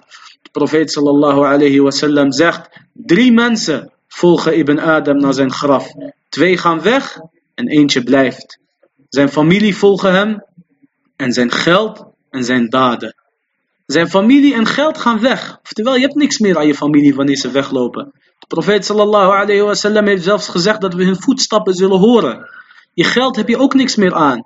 Dat wordt verdeeld. Zelfde avond nog. In ieder geval dezelfde maand, zo snel mogelijk. Als ze al dan niet daar ruzie om gaan maken. Wordt het geld verdeeld, dus daar heb jij ook niks meer aan. En wat blijft over? De derde, en dat is jouw vrome daden. En ook jouw slechte daden, wat billah, blijven. En die zullen een bewijs tegen jou zijn. En op dat moment laten Munkar en Nakir ons zitten. En dan stellen zij ons deze drie vragen. Men rabbuk, وَمَنْ نَبِيُّكَ وَمَا دِينُكَ En op dat moment is het niet onze tong die praat, maar onze daden. Dus barakallahu fikum, laten we onze best doen om goede daden te verrichten. Betekent niet dat je geen zondes meer zult maken. Betekent niet dat je perfect hoeft te zijn. Maar het betekent wel zoals de profeet sallallahu alayhi wa sallam zei. وَأَتْبِعِ السَّيِّئَةَ الْحَسَنَةَ تَمْحُهَا وَخَالِقِ النَّاسَ بِخُلُقٍ حَسَنٍ En laat de zonde opvolgen door een goede daad, zodat de zonde gewist wordt. En ga met de mensen om op een goede manier. Tayyip, hoe moeten wij Allah kennen? Hoe moeten wij de profeet sallallahu alayhi wasallam kennen? Hoe moeten wij de islam kennen? Met emoties? Met mening? Met ik vind of ik denk? Volgens mij, mijn gevoel zegt? Nee, dat helpt niet. Dat is ook geen kennis, maar dat is gewoon gissen. Sheikh al-Islam rahimahullah ta'ala zegt, bil adillah, met bewijzen. En bewijzen, barakallahu, fiek, barakallahu fikum, is niet mijn vader heeft gezegd, mijn zus heeft gezegd, mijn opa heeft gezegd, de imam van de moskee heeft gezegd, sheikh weet ik veel wie heeft gezegd, Allahu a'lam, of die Sofi sheikh graven aanbidt of wat dan ook. Nee, kennis is qala Allah, qala Rasul, qala Sahaba. Allah heeft gezegd, de profeet sallallahu alayhi wasallam heeft gezegd en de sahaba hebben gezegd. Ik geef een voorbeeld. Ramadan staat voor de deur. Salat al-Maghrib is wanneer de zon ondergaat. En dan wil je gaan eten. En dan komt er een familielid met een geweldige mening. Je hoort de adhan. Je ziet de zon letterlijk ondergaan. KNMI kan je gewoon checken wanneer de zonsondergang is. En dan komt er een geweldige familielid, zegt hij nee, we wachten nog even vijf minuten voor de zekerheid. Tayyib, deze zekerheid, jazakallah khair. Is dit iets wat in de Koran staat en in de Sunnah? Zegt nee, maar dan weten we zeker dat we niet te vroeg hebben gegeten. Waar haal je dit vandaan? Waar baseer je dit op? Nergens op. Dit zuigt hij letterlijk uit zijn duim. Als we gaan kijken naar de sunnah van de profeet sallallahu alayhi wasallam, wat bewijs dus is, zien we wat anders. En dat is de uitspraak van de profeet sallallahu alayhi wasallam.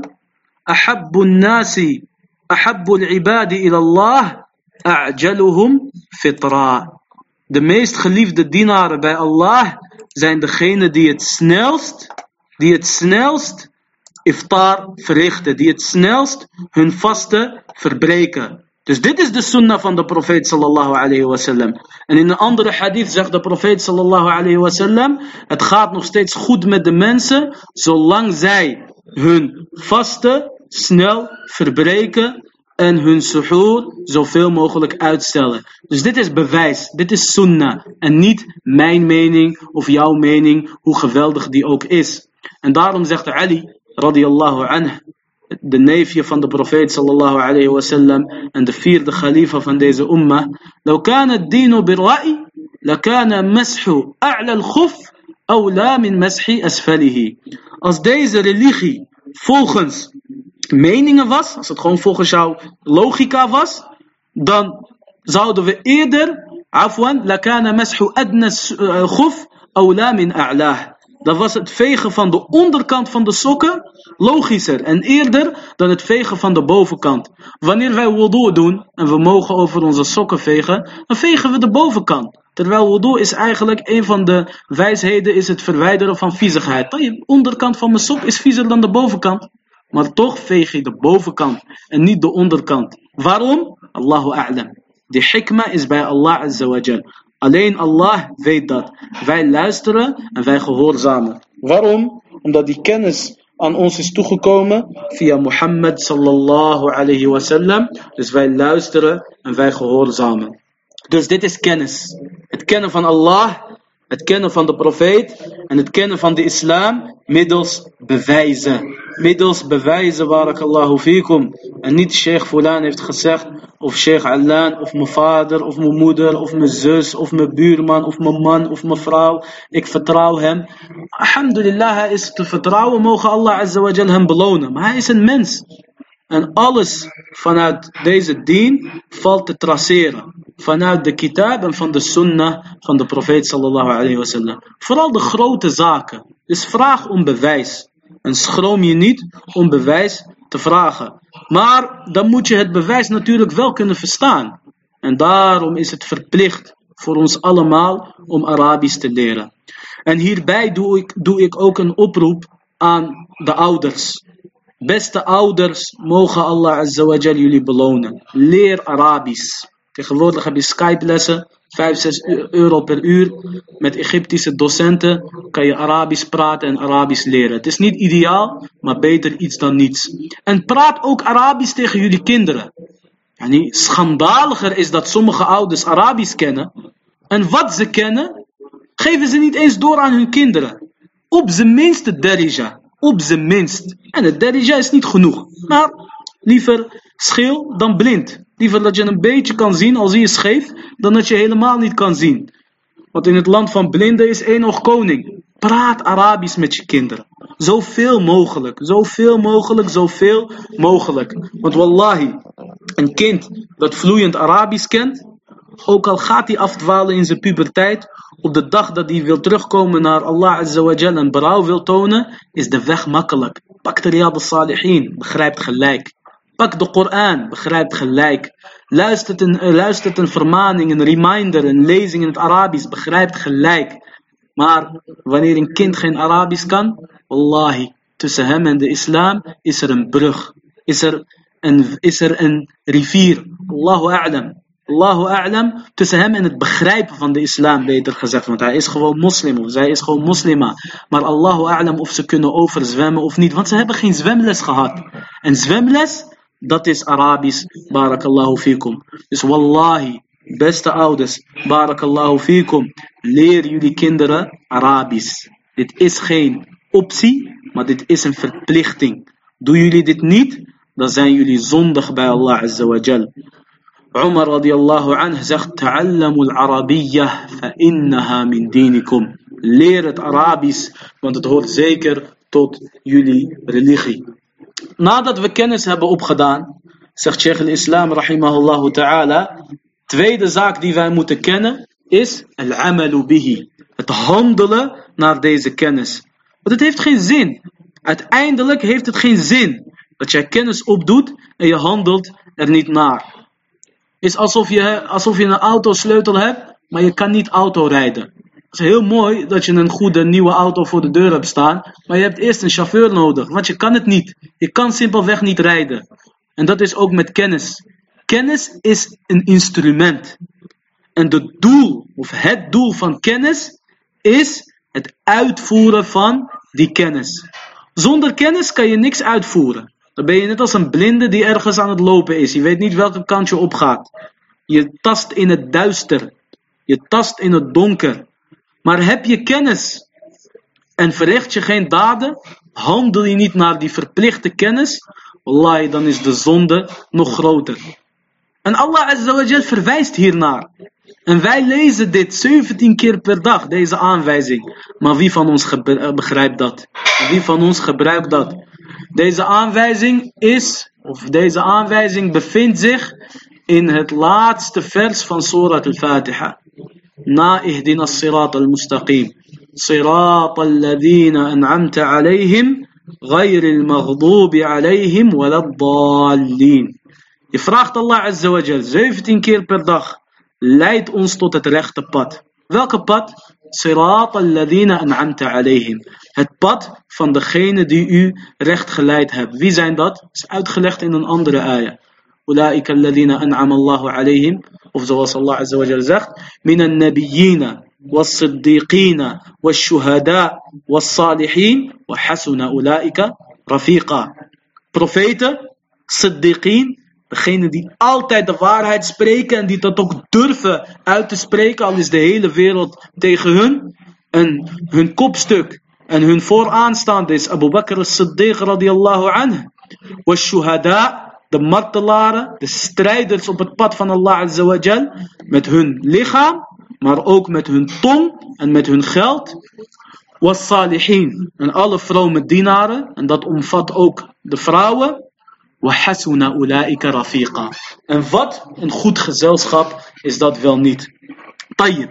Je vraagt Allah Azza wa Jal in Surat al-Fatiha om tot dit pad of tot hun pad geleid te worden. En je vraagt Allah Azza wa Jal ook om niet tot het pad van de anderen geleid te worden. Welke pad is dat? غير المغضوب عليهم ولا الضالين. En niet het pad van degene op wie u woedend bent, op wie u boos bent geworden en degene die afgedwaald zijn. Degene op wie Allah azawajal woedend is geworden, dat zijn de Joden. Dat zijn de Joden. La'anahumullah. En degene die afgedwaald zijn, dat zijn de christenen.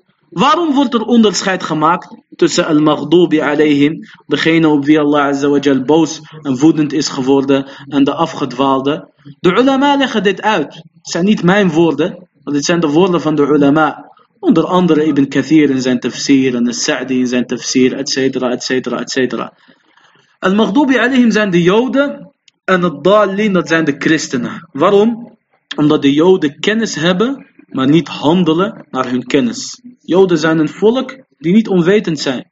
En daarom zegt Allah Azza wa Jal, over het algemeen natuurlijk. En daarom zegt Allah Azza wa Jal, مثل الذين حملوا التوراة ثم لم يحملوها كمثل الحمار يحمل أسفارا. Degene die uh, de Torah hebben gekregen en het niet dragen. Terwijl ze hebben het wel, ze dragen het wel op hun rug en ze dragen het wel bij zich, maar ze handelen er niet naar. Het is net als een ezel die boeken draagt. Ja, een ezel draagt het, maar hij uh, begrijpt het niet. En zo ook uh, degene die niet handelt naar zijn kennis.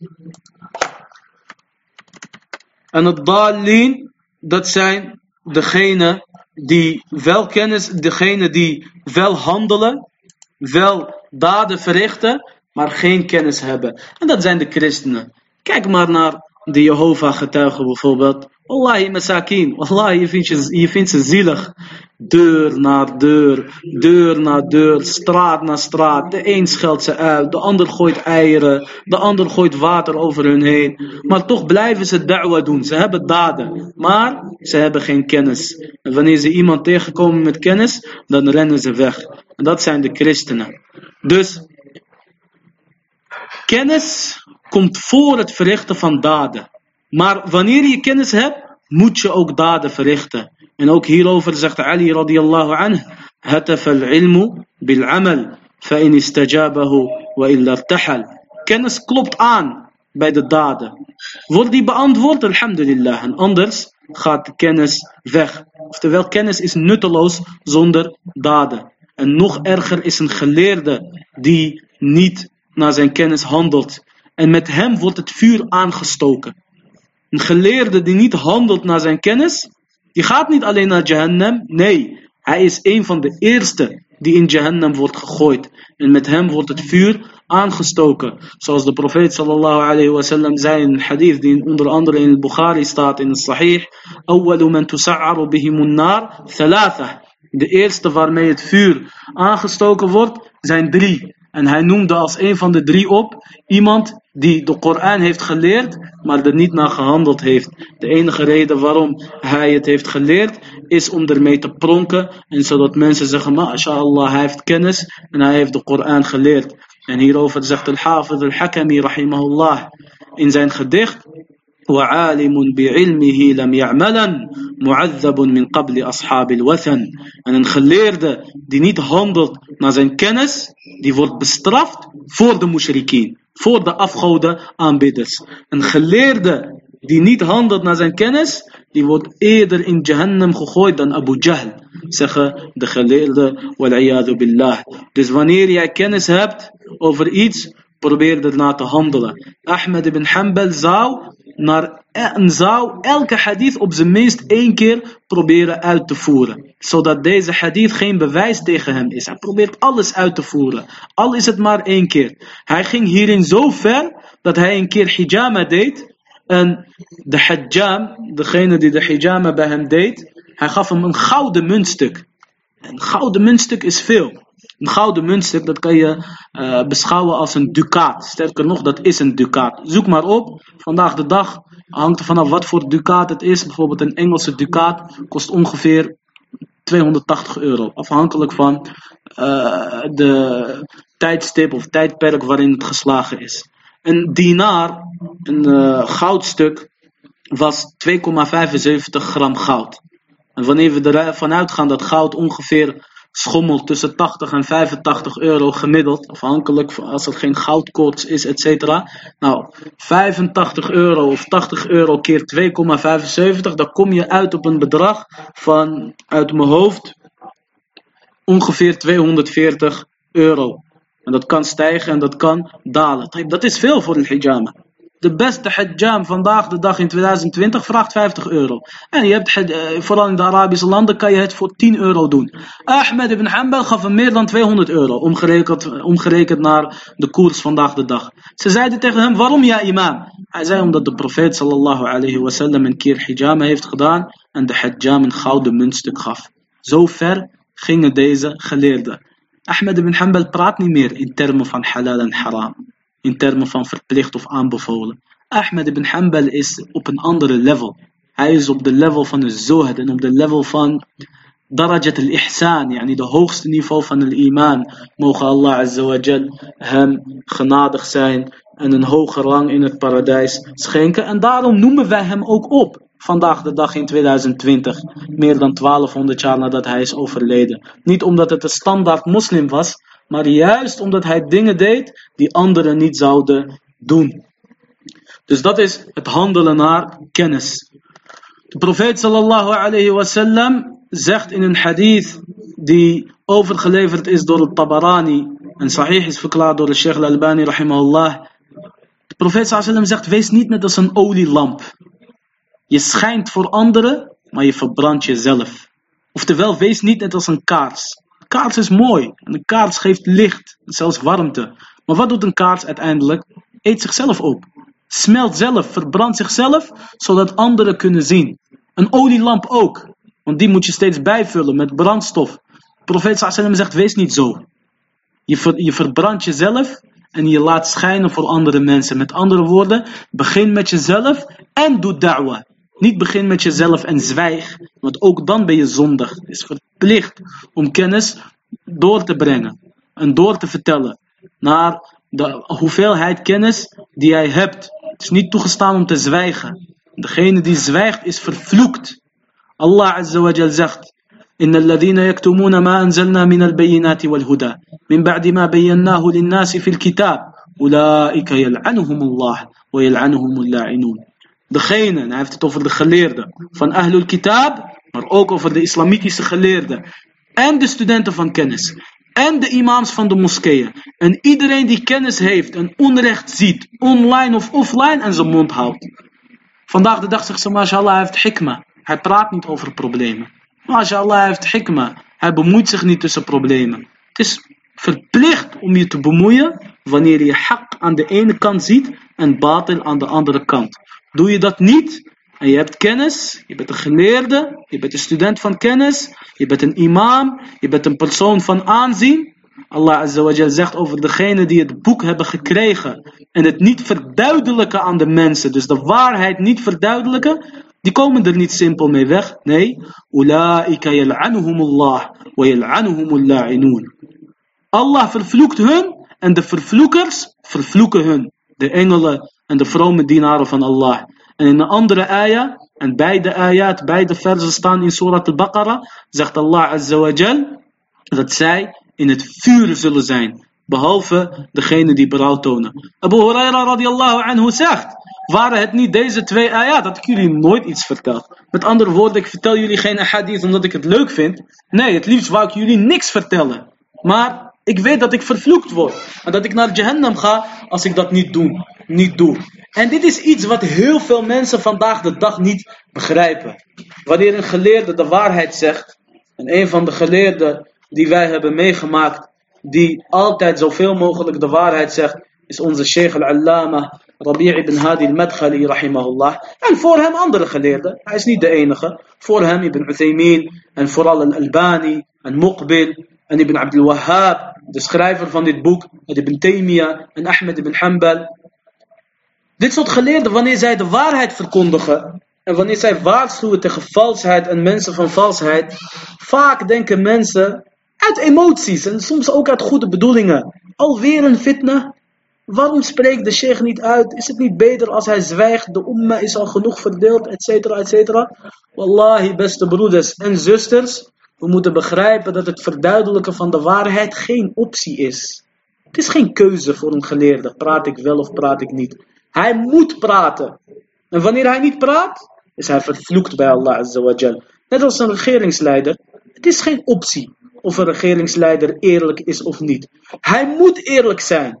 Doet hij dat niet, wordt hij vervloekt door Allah Azza en heeft hij een van de zwaarste bestraffingen bij Allah Azza dat wij luisteren en gehoorzamen wanneer hij uh, nog steeds een moslim is, is niet omdat we van hem houden. Of is niet omdat wij alcohol en muziek en weet ik veel wat voor allemaal uh, zondes goedkeuren. Nee, dat is vanwege de algemene orde. Maar hij zelf heeft een van de grootste zondes gedaan bij Allah Azawajal. En Allah zal hem daarvoor zeker afrekenen. En dat geldt ook voor de geleerden en dat geldt ook voor de studenten van kennis. Waar het om gaat, en ik denk dat dit nu meer dan duidelijk is, het handelen naar kennis is, is verplicht. Net als hoe het handelen zonder kennis haram is. En dat is wat Jama'at al-Tabligh vandaag de dag doen. Ze hebben iemand net uit de koffieshop getrokken hij heeft net voor de eerste keer in zijn leven gebeden na tien jaar. En dan zeggen ze, tfaddal, geef een lezing. Welke lezing? Waarschijnlijk zit die sigarettengeur of de wietgeur of de drugsgeur eh, nog in zijn kleren. Als het niet in zijn zakken zit. En hij moet een lezing geven. Zo werkt de islam niet. Zo werkt de islam niet.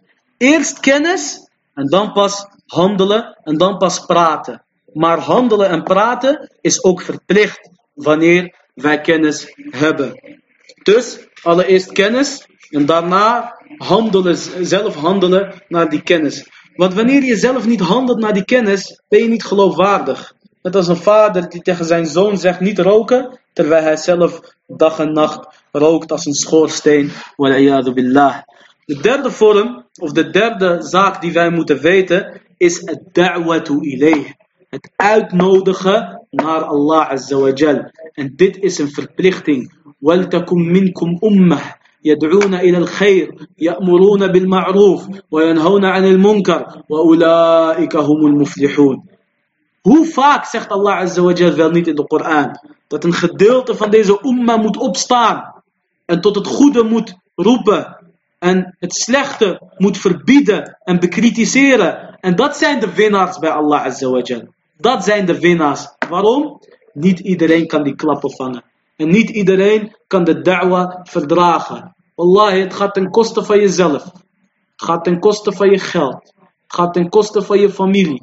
Het gaat ten koste van je kinderen. Het gaat ten koste van... Uh, veel mensen zullen niet van je haten, uh, houden. Veel mensen zullen je haten. Allahu a'lam. Of je het overleeft of niet. Of je een vrije man zult blijven of niet. Lakin, dit is de meest nobele daad bij Allah Azawajal. Dit is de toppunt van de daden. Het uitnodigen naar Allah Azawajal. En weinigen kunnen dat. En nog weinigen, nog minder mensen houden dat vol. En dit, barakallahu fikum, dit is de baan, dit is de carrière van de profeten. Net als hoe dat eentje timmerman is, een andere zakenman en een andere bankier De echte carrière en de meest succesvolle carrière, dat is niet voetballer of bokser of vlogger of wat dan ook. Nee, dat is het zijn van een uitnodiger naar Allah Azza naar de sunnah en het hebben van geduld daarop. De profeet sallallahu alayhi wa sallam werd gevraagd من أشد الناس ابتلاء قال الأنبياء قيل ثم من قال الأمثل فالأمثل Profeet sallallahu alayhi wa sallam werd gevraagd wie wordt het meest beproefd van deze umma. Hij zei sallallahu alayhi wa sallam de profeten. Er werd gezegd en daarna wie? En wie wordt het meest beproefd na de profeten?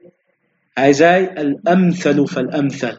Degene die het meest op hun lijkt en degene die het meest op hun lijkt. En wat deden de profeten? Die waren niet stil, die verrichten da'wa. Die verrichten da'wa, barakallahu fiek.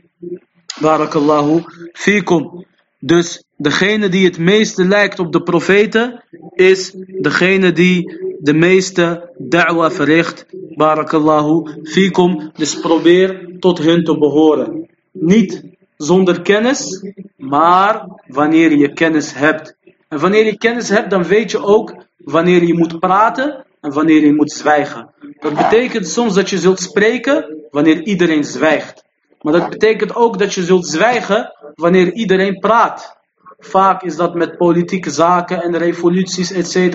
En dan zeggen ze, waarom zijn de geleerden stil? Geleerden zijn stil omdat ze iets slimmer zijn dan jou en mij omdat ze het iets beter begrijpen. Omdat ze iets meer ervaring hebben. En omdat ze de geschiedenis hebben bestudeerd. En de geschiedenis herhaalt zichzelf. En ze weten wat er gaat gebeuren wanneer zij praten. Etcetera, etcetera. En het is niet de bedoeling om hierover te veel te praten in deze lessen. Dus allereerst het opdoen van kennis. Ten tweede het handelen naar die kennis. Ten derde het uitnodigen naar deze kennis. En ten vierde het hebben as-sabru ala al-adafi. Het hebben van geduld, het hebben van geduld, het hebben van geduld. Gisteren hebben we de kinderen uitgelegd in de kinderlessen dat Nuh alayhi salam 950 jaar da'wa heeft gedaan. 950 jaar da'wa heeft gedaan. En zonder twijfel heeft dat geduld nodig. De venster, barakallahu fikum, is voor wanneer de microfoon het niet doet. Of voor eventuele vragen, barakallahu fikum. Excuseer me voor de andere zaken. Nuh alayhi salam heeft 950 jaar da'wa gedaan. En dat vereist geduld. Musa alayhi salam. Elke keer beloven ze hem en komen ze zijn belofte niet na. Dat vereist geduld. Mohammed sallallahu alayhi wasallam werd tot gek verklaard. En ze gooiden de organen en de troep van een kameel op zijn rug.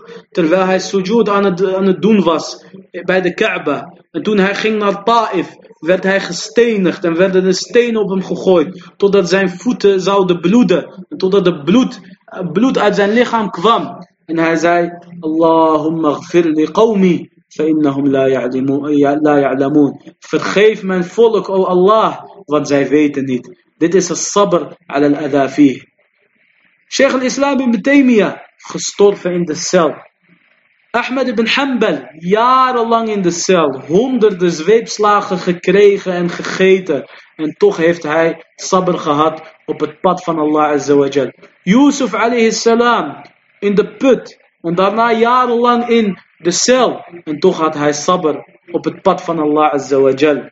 En degene die sabr heeft, en degene die sabr heeft, die zal winnen zonder twijfel. In deze dunya en als hij zijn winst en overwinning niet ziet in deze dunya, dan zonder twijfel in het hiernamaals. En het kan zo zijn, en het kan zo zijn, dat de winst pas zichtbaar is na zijn dood. Kijk, Sheikh al-Islam ibn Taymiyyah rahimahullah ta'ala. Gestorven, eenzaam in zijn cel. Maar hoeveel miljoenen mensen profiteren tot de dag van vandaag wel niet van zijn boeken.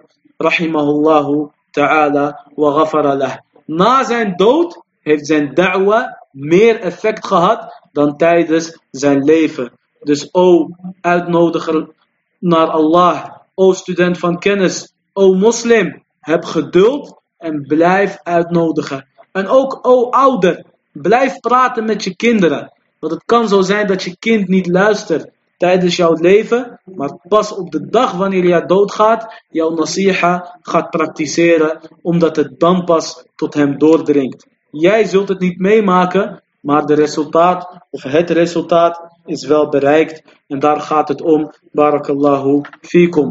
Dus het sabr al al-adafih is een van de belangrijkste zaken. En weet dat de leiding in de handen van Allah Azawajal is. En niet in onze handen. Allah Azawajal zegt.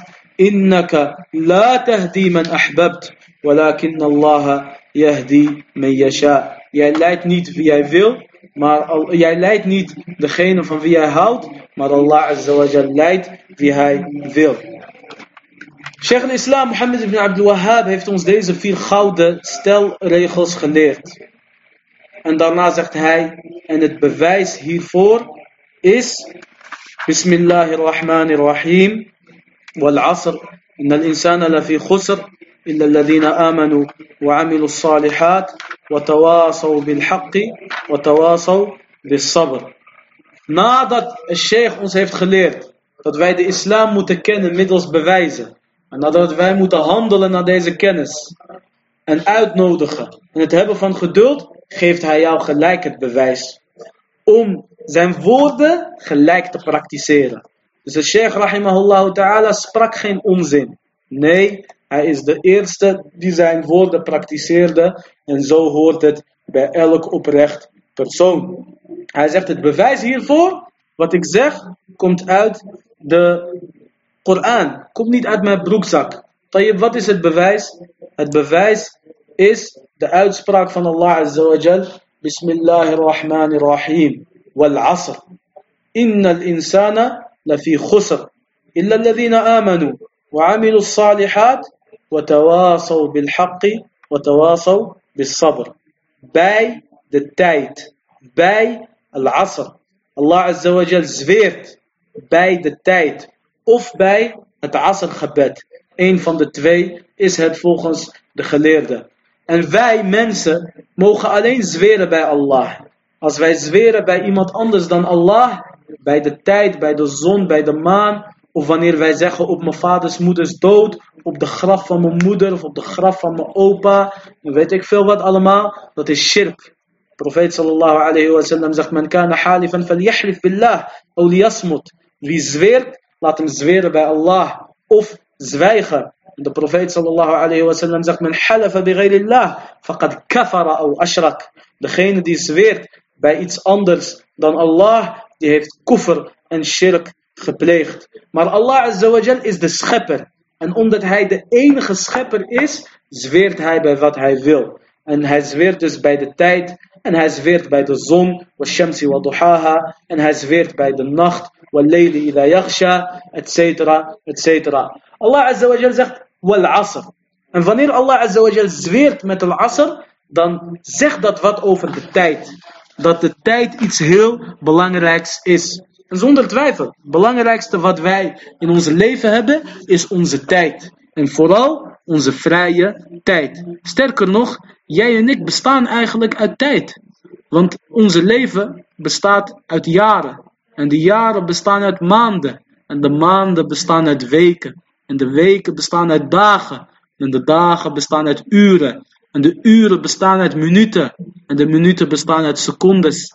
En elke seconde die voorbij gaat, elke minuut, elk uur is een stukje tijd die voorbij gaat. is een stukje leven die van ons afsterft. Dus let op jullie tijd. Barakallahu fikum. En Allah Azza wa Jal zweert daarbij. Of hij zweert bij het gebed van al-Asr. En dat is volgens veel geleerden het belangrijkste gebed. Allah Azza wa Jal zegt. حافظوا على الصلاة والصلاة حافظوا على uh, الصلوات والصلاة والصلاة الوسطى en het middelste gebed. En wat is dat? Je hebt Fajr, Dhuhr, dan heb je Asr, dan heb je weer Maghrib en Isha. Volgens veel geleerden is het het Asr gebed. De profeet sallallahu alayhi wasallam zei specifiek over het Asr gebed zoals in Sahih al-Bukhari staat. Degene die het Asr gebed gemist heeft, het is alsof hij zijn familie en geld verloren is. Tayyib, Allah azza wa jal zweert. En altijd wanneer Allah azza wa jal zweert, moet er een antwoord komen. Waarom zweert Allah azza wa jal? Waarom zweert Allah azza wa jal? Innal insana lafi khusr. Waarlijk, zeker, voorwaar, alle mensen zijn verloren. Tayyib, dit is een zware zaak. 6 miljard, 7 miljard mensen leven vandaag de dag op, de op aarde. Zijn allemaal verloren. Ja Rab, is er geen uitzondering? Zijn er niet mensen, een paar mensen die zullen winnen, zodat wij tot hun kunnen behoren? Ja, zeker wel. Maar de oorsprong, de assel, de stelregel is dat de meeste mensen verloren en vernietigd zijn. Oftewel in het hele vuur. En daarom zegt Allah Azza wa van elke duizend gaan er 999 naar het hele vuur. Dus zeg niet tegen iemand die de waarheid spreekt en preekt, waarom ben jij de enige die dit zegt? Waarom is er in Amsterdam? Waarom is er in Nederland? Waarom is er niemand anders die dit zegt? Waarom zegt alleen deze geleerde dit? Waar zijn de andere geleerden? Dat is geen maatstaf, barakallahu fikum. Maatstaf is kennis. Dus qala Allah, qala Rasul, qala Sahaba, en degene die de waarheid spreekt, dat is de jama'a. Hij is ahl sunnah. Hij is de ummah, al is hij alleen. Zoals Ibn Mas'ud radiyallahu anhu zei, al-jama'a man kana ala al-haq, walau kunta wahdak. Al-jama'a, de groep, oftewel waar wij bij ons moeten horen en waar wij ons bij moeten aansluiten, dat is degene die de waarheid spreekt, al is hij alleen. En wallahi, dat schaadt hem niet. In Sahih Muslim staat dat de profeet sallallahu alayhi wasallam zei dat er profeten zullen komen op de dag des oordeels en een paar mensen hebben hun gevolgd. En dan komen de profeten en slechts één of twee hebben hem gevolgd. En dan komt er een profeet en niemand heeft hem gevolgd. Betekent dat dat de profeet slecht was? Zeker niet. Dat betekent dat de mensen van zijn tijd slecht waren. En dat de grond onvruchtbaar was. Dus hoeveel je ook zaait, hoeveel da'wa je ook verricht. Ja, als het verbrand is, als het vernietigd is, dan komt er simpelweg, of dan valt er simpelweg niks te oogsten. Dus Allah Azza zegt, alle mensen zijn zeker in verlies. Zoals hij zegt in de hadith, van de duizend gaan er 999 naar de helle vuur. Behalve wie? Want wij willen tot hun behoren, degene die gered zijn. Illa ladina aman. Behalve degene die, die geloven, die moslims zijn. En dat is ma'rifatullah. Dat is de eerste, het eerste aspect die Sheikh al-Islam rahimahullah ta'ala opnoemde. Het geloven in Allah. Want dat is het iman. Al-iman, het geloof, is het geloven in Allah. En in Mohammed sallallahu alayhi wasallam. En in de islam. Dus dat is de eerste stelregel en de eerste zaak die wij moesten en moeten weten. Illa alladhina amanu wa amilu salihat. En goede daden verrichten. En dat is de tweede zaak. Al-amalu bihi. Het verrichten van, het verrichten van goede daden. Wa tawasaw bil haq. En elkaar adviseren om de waarheid te spreken. En dat is het da'watu ilayh. Het uitnodigen naar de waarheid. Wa tawasaw bis sabr. En elkaar adviseren en aansporen tot het hebben van geduld. Geduld hebben in deze da'wa. Wallahi, als je de geschiedenis leest van koningen, van mensen die leider zijn geworden, dan zie je soms dat ze alleen waren en maar één vriend over hadden, maar toch hebben gestreden totdat ze aan de top zijn gekomen. Ze waren niet bezig voor de islam, hij wou gewoon een koning worden. Of zijn vader was koning en zijn koninkrijk was afgepakt. Hij werd verslagen en hij bleef bikkelen totdat hij weer een koning was. Voorbeelden hierover zijn veel. In de islamitische geschiedenis en ook in de niet-islamitische geschiedenis. Subhanallah, je ziet dat wanneer iemand als koning geboren was, of zijn vader was een koning, hij blijft sabr hebben. totdat het lukt of hij gaat strijden ten onder. De bekendste voorbeeld daarvan is Imru'u Qais, een van de grootste Arabische dichters. En zijn vader was een koning en die koningschap werd afgepakt. Hij ging kapot van binnen. En hij wou hoe dan ook die koningschap van zijn vader, de macht van zijn vader, voor zichzelf terugkrijgen. Want hij was een prins. En hij kon niet leven zonder uh, zijn koninkrijk. Zonder macht ging hij liever dood. En hij had maar één vriend over. En zij gingen door de Arabische woestijn. Hitte, uh, dorst, zij gingen naar de Romeinen om hulp te vragen om hun land terug te veroveren. En uiteraard zouden zij dan geld betalen en heel veel goud en zilver etc. aan de Romeinen wanneer dat gelukt was. En toen zij onderweg waren in de woestijn, en de weg was lang en op een gegeven moment zie je alleen zand voor je en zand naast je en zand achter je. Hij was een bikkel, hij was een strijder en het was zijn doel en hij huilde niet. Maar wie moest huilen? Zijn vriend. Zijn vriend, de enige vriend die was overgebleven, die moest huilen. En Imre Oqais keek naar hem en hij zei in twee dichtverzen, en wallahi, deze kunnen in goud geschreven worden. En deze werden in de Jahiliyyah, dit gedicht is een van de mu'allaqat, een van de zeven gedichten die is opgehangen aan de Kaaba. Zo mooi vonden de Arabieren dat. En de Sheikh al-Albani, rahimahullah ta'ala, wie Silsilat al-Huda en Noor zou luisteren, duizend cassettebanden van de Sheikh, duizend eh, zittingen van de Sheikh, hij noemde heel vaak dit dichtvers op. En dat is de uitspraak van Imr Uqais, Baka sahibi lamma ra'ad dahra dunahu, wa ayqana anna lahiqani bi qaysara. فقلت له لا تبكي عينك إنما نحاول ملكا أو نموت فنعذر. هذا ما فريند هالد تون هيدا فيخ صاخ لانا فيخ أن في فاودنار قيصر خان. في فاودنار سيزر خان. فقلت له لا تبكي عينك. إد هاولا لا تشاو أوخ نترانا فإنما نحاول ملكا أو نموت فنعذر. فانت wij proberen weer koningen te worden. Wij proberen ons koninkrijk terug te halen. Of we gaan strijden ten onder. En dan worden wij geëxcuseerd. Namuta fanu'dara. We gaan sterven en dan zegt niemand van hij was bang, hij was een lafaard, hij deed niks. Ze hebben zijn koninkrijk afgepakt en hij bleef als een vrouw thuis en hij durfde niet naar buiten te gaan, ondanks dat hij kon doen wat hij zou kunnen doen als koningszoon en als prins met zijn connecties en zijn netwerk. Nee, hij zegt we gaan het proberen. En als we koningen worden, Alhamdulillah. En anders gaan we strijden ten onder. Dit zei hij niet voor Allah. Dit zei hij voor geld en voor macht en voor koninkrijk. Degene die uitnodigt naar de zaak van Allah, dient nog meer inzet te hebben. En nog meer kracht en nog meer geduld dan een koning wiens koninkrijk is afgepakt. Mogen Allah Azza wa Jal ons en jullie vergeven. En mogen Allah Azza wa Jal ons alle het succes schenken. Dus dit Allah Azza zegt, watawasau bil haqqi, watawasau bil sabr.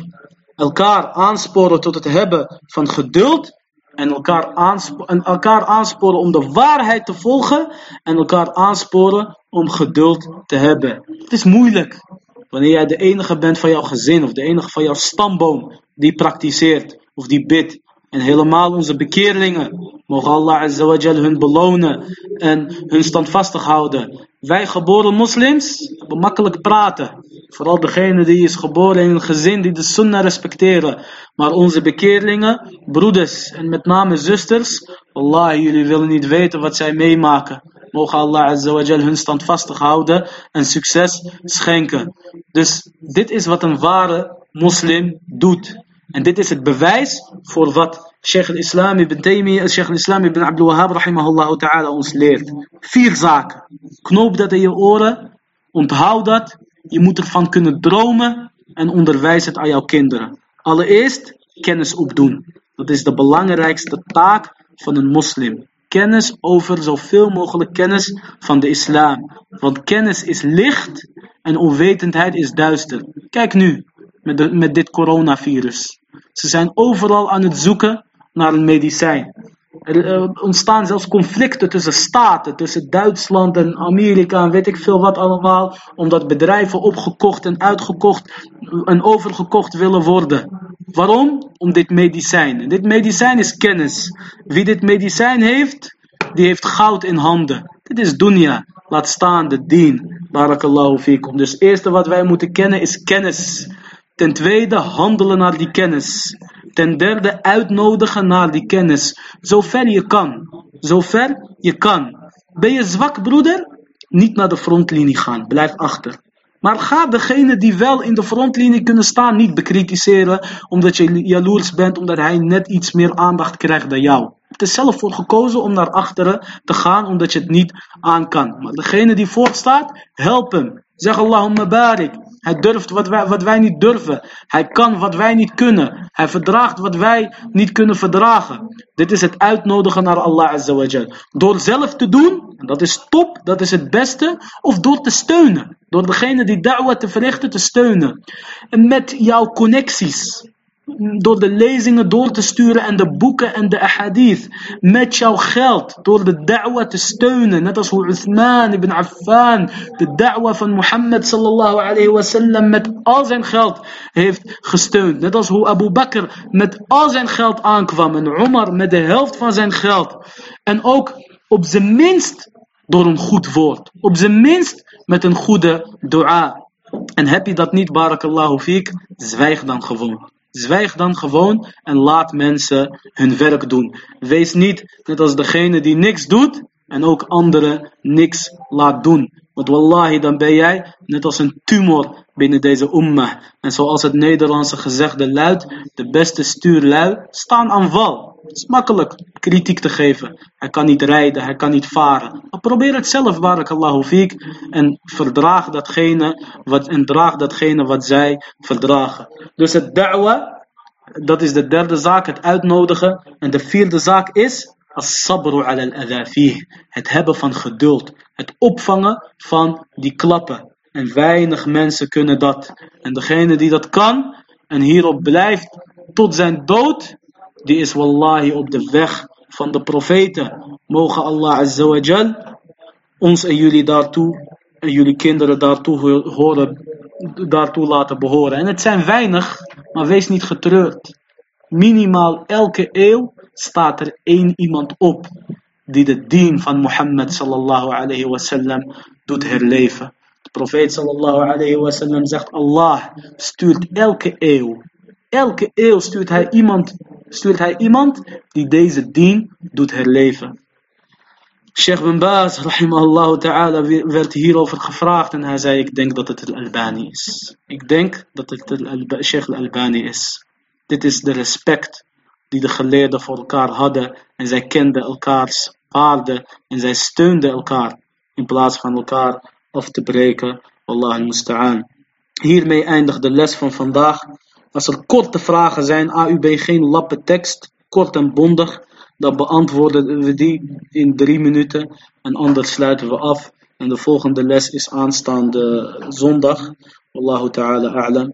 Sallallahu wa sallam ala nabiyyina Muhammad wa ala alihi wa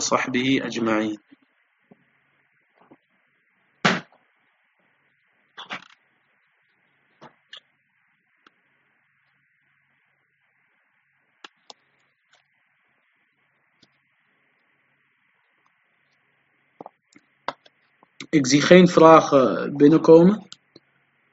Soms komen ze later binnen. Indien dat het geval is, zouden we ze ook aan het einde van de volgende les behandelen. Dat, maakt, dat lijkt me een beter idee. Wallahu ta'ala a'lam.